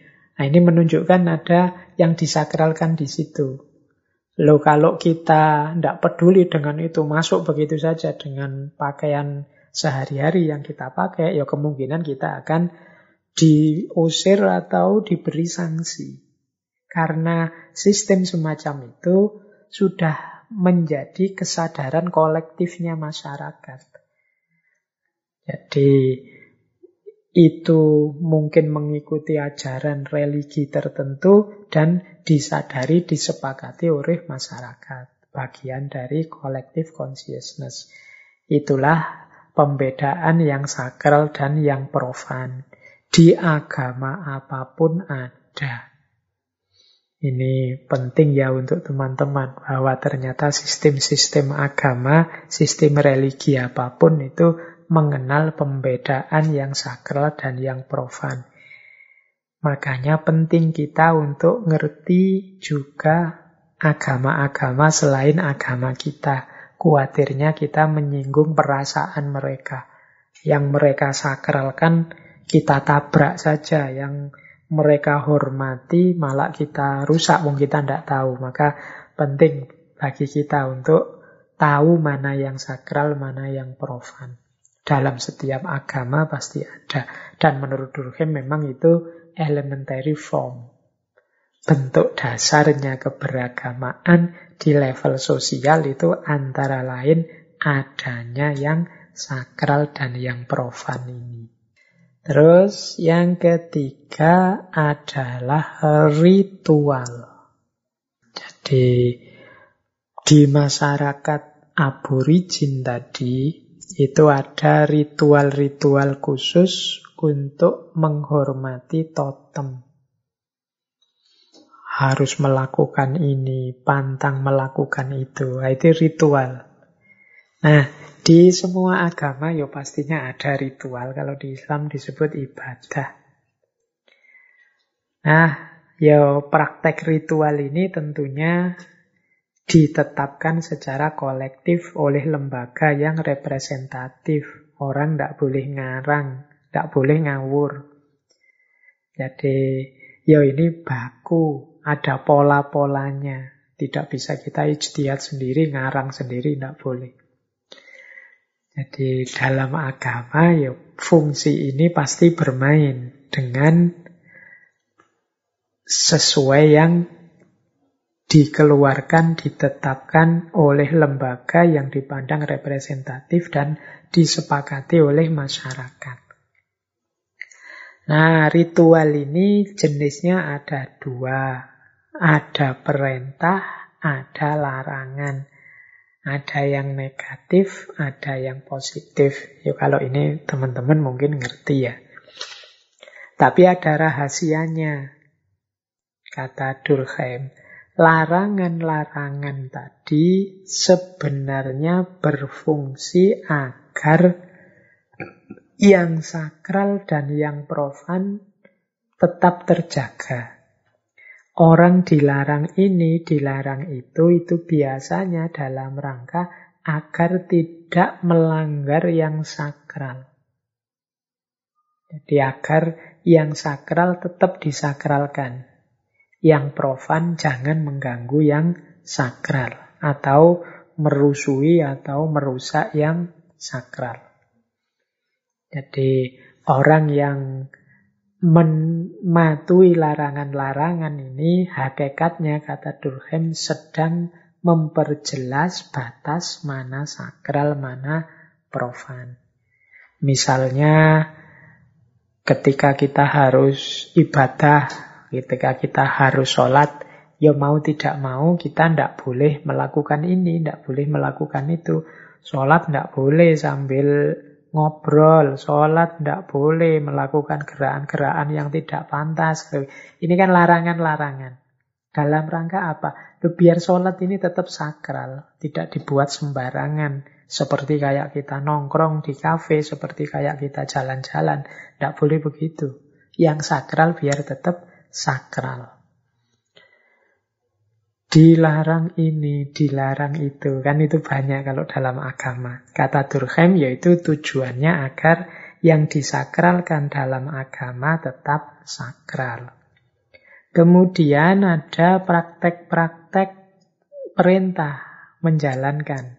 Nah, kalau ini yang sifatnya perintah ini ya lebih berfungsi untuk menegaskan keimanan. Jadi untuk lebih menegaskan kekhusyuan. Kalau itu sholat, lebih menegaskan tanggung jawab ideal keagamaan kita. Itu perintah. Semakin kita menjalankan perintah, semakin mantap keimanan kita. Itu fungsinya ritual. Jadi semua ada fungsinya.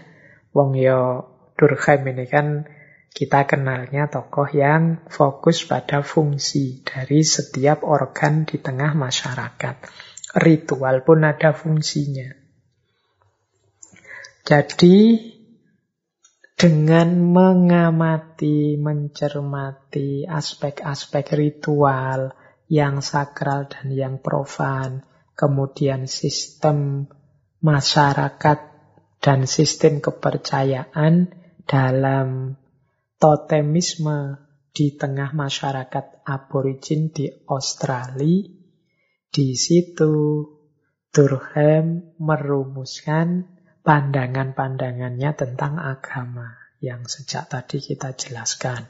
Agama hubungannya dengan masyarakat, agama sebagai fakta sosial, dasar-dasar bentuk-bentuk hidup beragama di tengah masyarakat, dan lain sebagainya. Jadi itulah pandangan Durkheim tentang agama. Maka kata Durkheim, ini ada satu quote bagus dari Durkheim sebagaimana pandangannya hubungan antara agama dengan masyarakat, kata Durkheim, if religion has given birth to all, that is essential in society, it is because the idea of society is the soul of religion. Kalau agama ternyata banyak memberikan hal-hal penting untuk masyarakat, itu karena gagasan tentang masyarakat itu sendiri merupakan jiwa atau hakikat dari agama.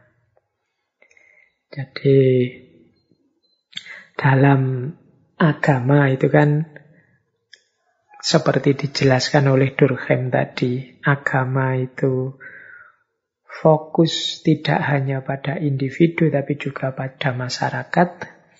Agama mempengaruhi kehidupan sosial sebagaimana kehidupan sosial juga mempengaruhi agama. Dan hakikat agama kata Durkheim ya the idea of society. Agama itu sangat peduli dengan kehidupan masyarakat. Ini hasil temuan-temuannya Durkheim di situ. Makanya kalau kita beragama kok kemudian menjadi asosial atau antisosial, nah ini perlu direfleksikan lagi, perlu muhasabah lagi. Bagaimana kok keberagamaan malah menjadi variabel yang merusak, menjadi variabel yang mengacaukan kehidupan sosial. Harusnya beragama itu ya memperkuat kehidupan sosial, memberikan banyak hal yang positif dalam kehidupan sosial, sebagaimana dijelaskan oleh Durkheim tadi. Karena soulnya ajaran agama itu society, masyarakat. Tidak sekedar kesolehan individu. Baik, teman-teman itu gagasan-gagasan umum dari Durkheim tentang agama. Nanti yang tertarik untuk memperdalam ya silahkan membaca Elementary Forms of Religious Life Nah, sebenarnya menarik, tapi mungkin waktu kita belum cukup kalau menjelaskan lebih jauh implikasi lanjutan pandangan Durkheim ini untuk masa depan agama.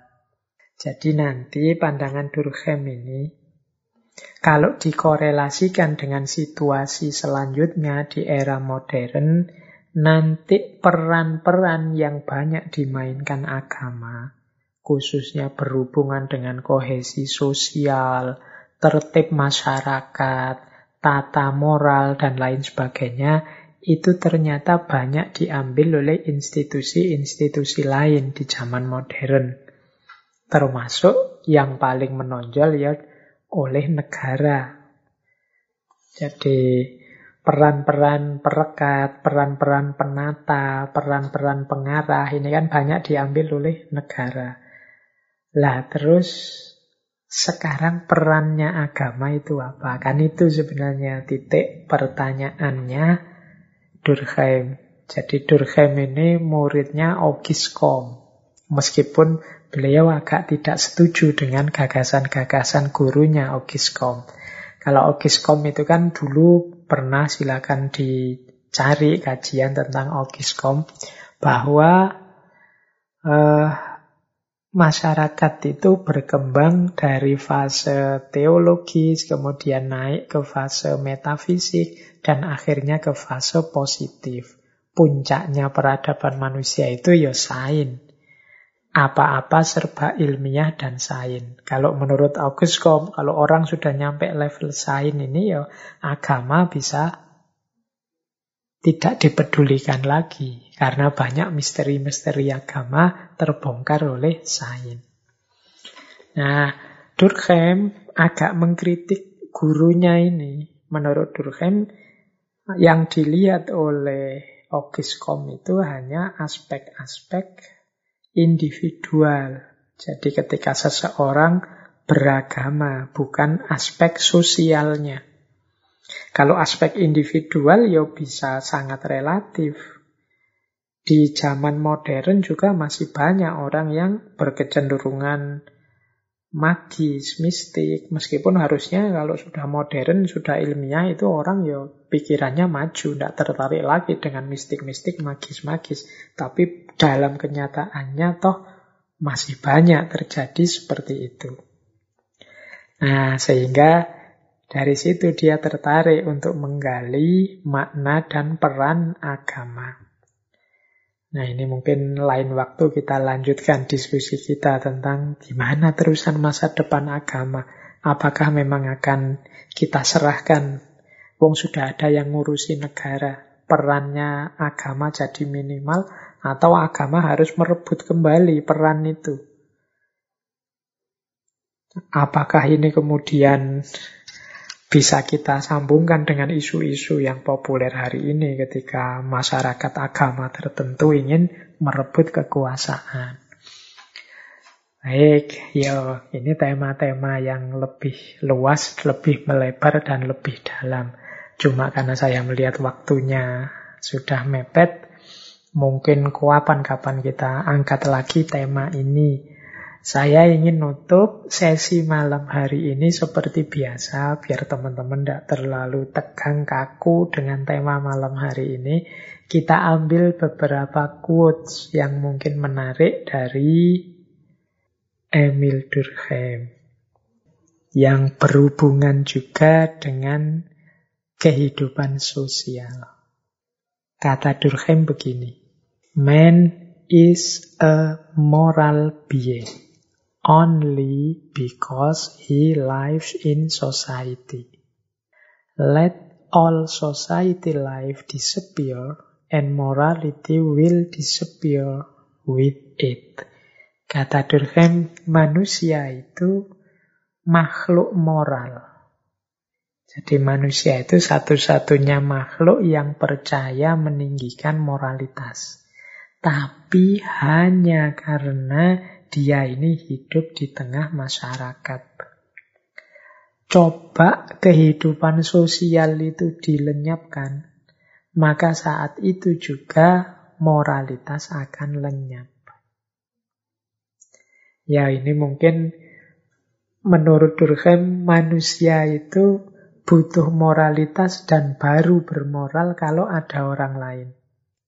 Coba ndak ada orang lain, manusia itu kemungkinan ya lebih cenderung mengabaikan ajaran prinsip-prinsip moral. Atau jangan-jangan ya prinsip moral itu sudah tidak laku. Kalau hidup sendiri.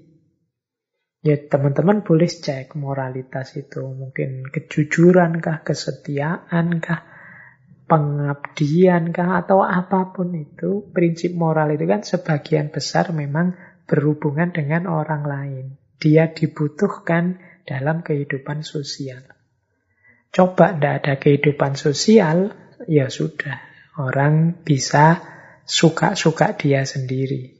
Nah ini katanya Durkheim begitu. Ini mungkin nyambung dengan tadi penjelasan tentang moralitas tadi bahwa Manusia itu memerlukan moralitas dalam rangka menjaga dan mengontrol manusia agar tidak sembarangan mengikuti keinginannya dalam memenuhi kebutuhannya. Jadi kita ingin sesuatu, kita butuh sesuatu, orang lain juga begitu. Di situlah kita perlu moralitas. Ini kata Durkheim.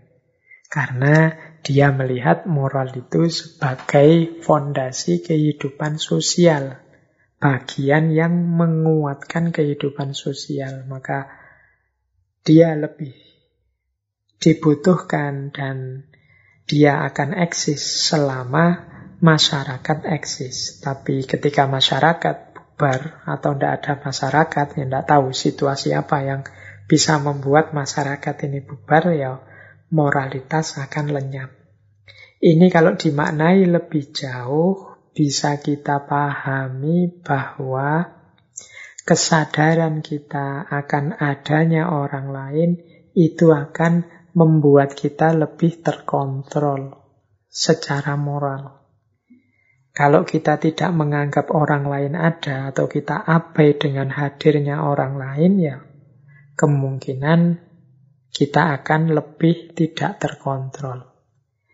Mengapa sih hari ini dunia digital medsos kita yang ramenya luar biasa itu kadang isinya orang yang aneh-aneh, unik-unik, itu kemungkinan yang aneh-aneh kadang tidak bermoral, kadang tidak masuk akal, dan lain sebagainya itu dilakukan dengan kesadaran mengabaikan hadirnya orang lain. Jadi dia lebih fokus ingin mengekspresikan dirinya, ingin menampilkan dirinya, sehingga kemudian dia lupa orang lain hadir, sehingga prinsip-prinsip moral pun lupa terbawa. Nah itu kalau dideduksikan dari quote-nya Emil Durkheim ini. Ada lagi lanjutannya, quotes tentang moral juga. Durkheim mengatakan, when moral are sufficient, law are unnecessary. When morals are insufficient, laws are unenforceable. Jadi kalau moralitas sudah tegak, moralitas sudah berjalan, sudah hidup di tengah masyarakat, maka tidak perlu lagi adanya hukum. Tetapi ketika moralitas tidak tegak, jadi masyarakat tidak peduli dengan moralitas, laws are unenforceable. Hukum akan lemah. Wah ini menarik ya. Maju mundur, hukum ini terus kalah. Kalau manusia-manusia itu moralitasnya tinggi, dia tidak butuh hukum. Mengapa? Ya karena dia sudah bisa ngatur dirinya sendiri, dia sudah bisa ngontrol dirinya sendiri, dia sudah bisa mengarahkan dirinya sendiri untuk tidak melanggar hukum, untuk selalu menetapi hukum. Hukum itu kan sifatnya menyuruh, memaksa. Sementara kalau moral itu sukarela. Lah kalau orangnya secara sadar sukarela sudah mau menjalankan kebaikan-kebaikan, menghindari yang salah-salah, ya hukumnya tidak perlu. Tapi sebaliknya, kalau mungkin kita terus, oh berarti hukum itu lebih dibutuhkan pada saat orang mengabaikan moralitas. Tapi tidak begitu kata Durkheim. Kalau orang when moral are insufficient, ketika moral tidak cukup, ketika moral tidak tegak, itu kita juga sulit menegakkan hukum. Karena hukum di situ tidak punya daya, tidak punya kekuatan. Dia tidak dipercaya. Kalau semua orang amoral, kalau banyak orang tidak bermoral sehingga moralitas lemah, ya hukum tidak terlalu dipercaya, hukum tidak terlalu tegak, hukum dimanipulasi. Jadi laws are unenforceable. Jadi hukumnya tidak bisa kuat. Nah, teman-teman boleh milih yang mana.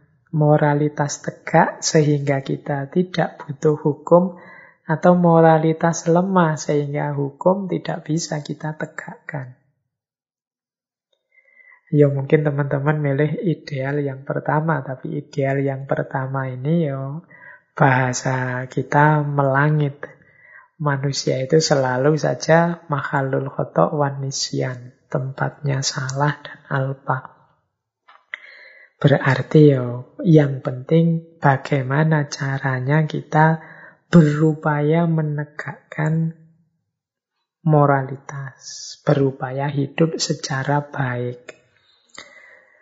Ya memang kalau sekali-sekali kita kepleset, di situlah saatnya hukum main. Kalau mungkin kita terjebak dalam kekeliruan, kesalahan, kriminalitas, ya di situlah saatnya hukum main. Tapi hidup ini berusaha kita jalankan tidak 100% seutuhnya dipaksa oleh hukum, tapi mari kita hidupkan kesadaran moral dalam diri kita.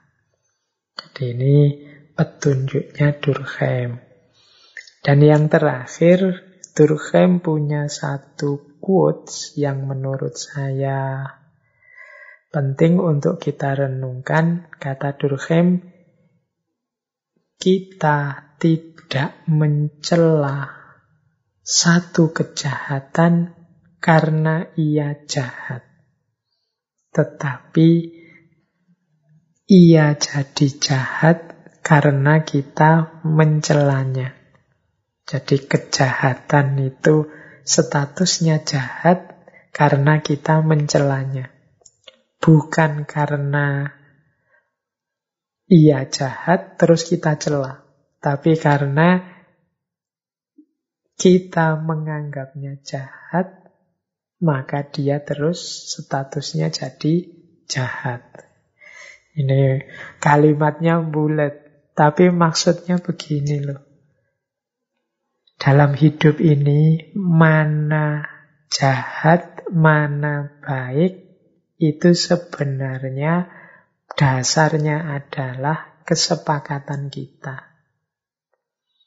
Kalau sesuatu itu kita anggap jahat, kemudian kita celah, ya dia mungkin hakikatnya baik, tapi karena kita semua nganggap jahat, ya dia berubah jadi jahat. Demikian juga sebaliknya, mungkin itu jahat, tapi kita tidak mencelanya, bahkan mungkin kita memujinya. Ya dia akan berubah jadi sesuatu yang terpuji. Jadi kunci moralitas itu adanya pada manusianya. Baik buruk itu kadang-kadang bergantung pada kesepakatan kita menyatakannya. Ini baik atau buruk. Jadi, ya memang orang kita sering berprinsip kan kebaikan bagaimanapun akan mengalahkan kejahatan. Tapi ternyata mana baik, mana jahat, itu tergantung kesepakatan kita kalau kata Durkheim. Misalnya begini loh, kalau bangsa ini misalnya seluruhnya menyepakati narkoba itu baik. Loh dia akan berubah jadi sesuatu yang baik dan biasa. Kalau ada orang pakai narkoba akan kita anggap baik. Sebaliknya juga begitu, misalnya tidak eh, tahu bagaimana terus kita menyimpulkan bahwa menolong orang itu jahat misalnya. Jadi kemudian muncul larangan itu karena sudah kita sepakati bersama, maka setiap kali kita menolong orang dianggap jahat. Lalu itu kemudian secara sosial, ya yang baik tadi dianggap jahat. Dan yang tadi jelek sebenarnya bisa dianggap baik maka manusianya penting untuk dibangun. Tidak hanya jenis tindakannya. Jadi jenis tindakan Yang baik ketika disepakati buruk, dia berubah status jadi buruk. Jenis tindakan yang buruk ketika dia kita sepakati jadi baik, dia berubah jadi baik. Ternyata label baik atau buruk itu bisa tergantung pada manusianya. Dan manusia itu ternyata adalah buah dan produk sosialnya. Seperti kata-kata Durkheim tadi. Maka mari kita jaga agar masyarakat kita masih tetap masyarakat yang sehat, masyarakat yang bisa berpikir jernih, dan masyarakat yang mampu menegakkan nilai-nilai moralitas. Sehingga fakta-fakta sosial kehidupan bersama kita adalah fakta-fakta yang positif, fakta-fakta yang membahagiakan, bukan fakta-fakta yang memprihatinkan. Baik, saya kira itu ya teman-teman. Semoga ada manfaatnya meskipun hanya sedikit, setitik, satu dua kalimat dari banyak yang saya sampaikan malam hari ini. Ya seperti saya sampaikan tadi ini materi yang mungkin kita perlu agak berpikir. Makanya tidak harus dipaksa, bisa dipahami pelan-pelan. Atau Alhamdulillah kalau teman-teman tertarik dengan tema ini kemudian melacak, mengejar referensi-referensi, menambah wawasan sehingga bisa memahami lebih luas, lebih dalam daripada yang sekedar saya pancing malam hari ini tentang agama menurut Durkheim. Baik, saya akhiri sekian untuk sesi malam hari ini. Kurang lebihnya mohon maaf kalau ada keliru-keliru dari sisi apa pun. Mohon dimaklumi dan dimaafkan. Wallahul muwafiq, wallahu a'lam bisawab. Wassalamualaikum warahmatullahi wabarakatuh.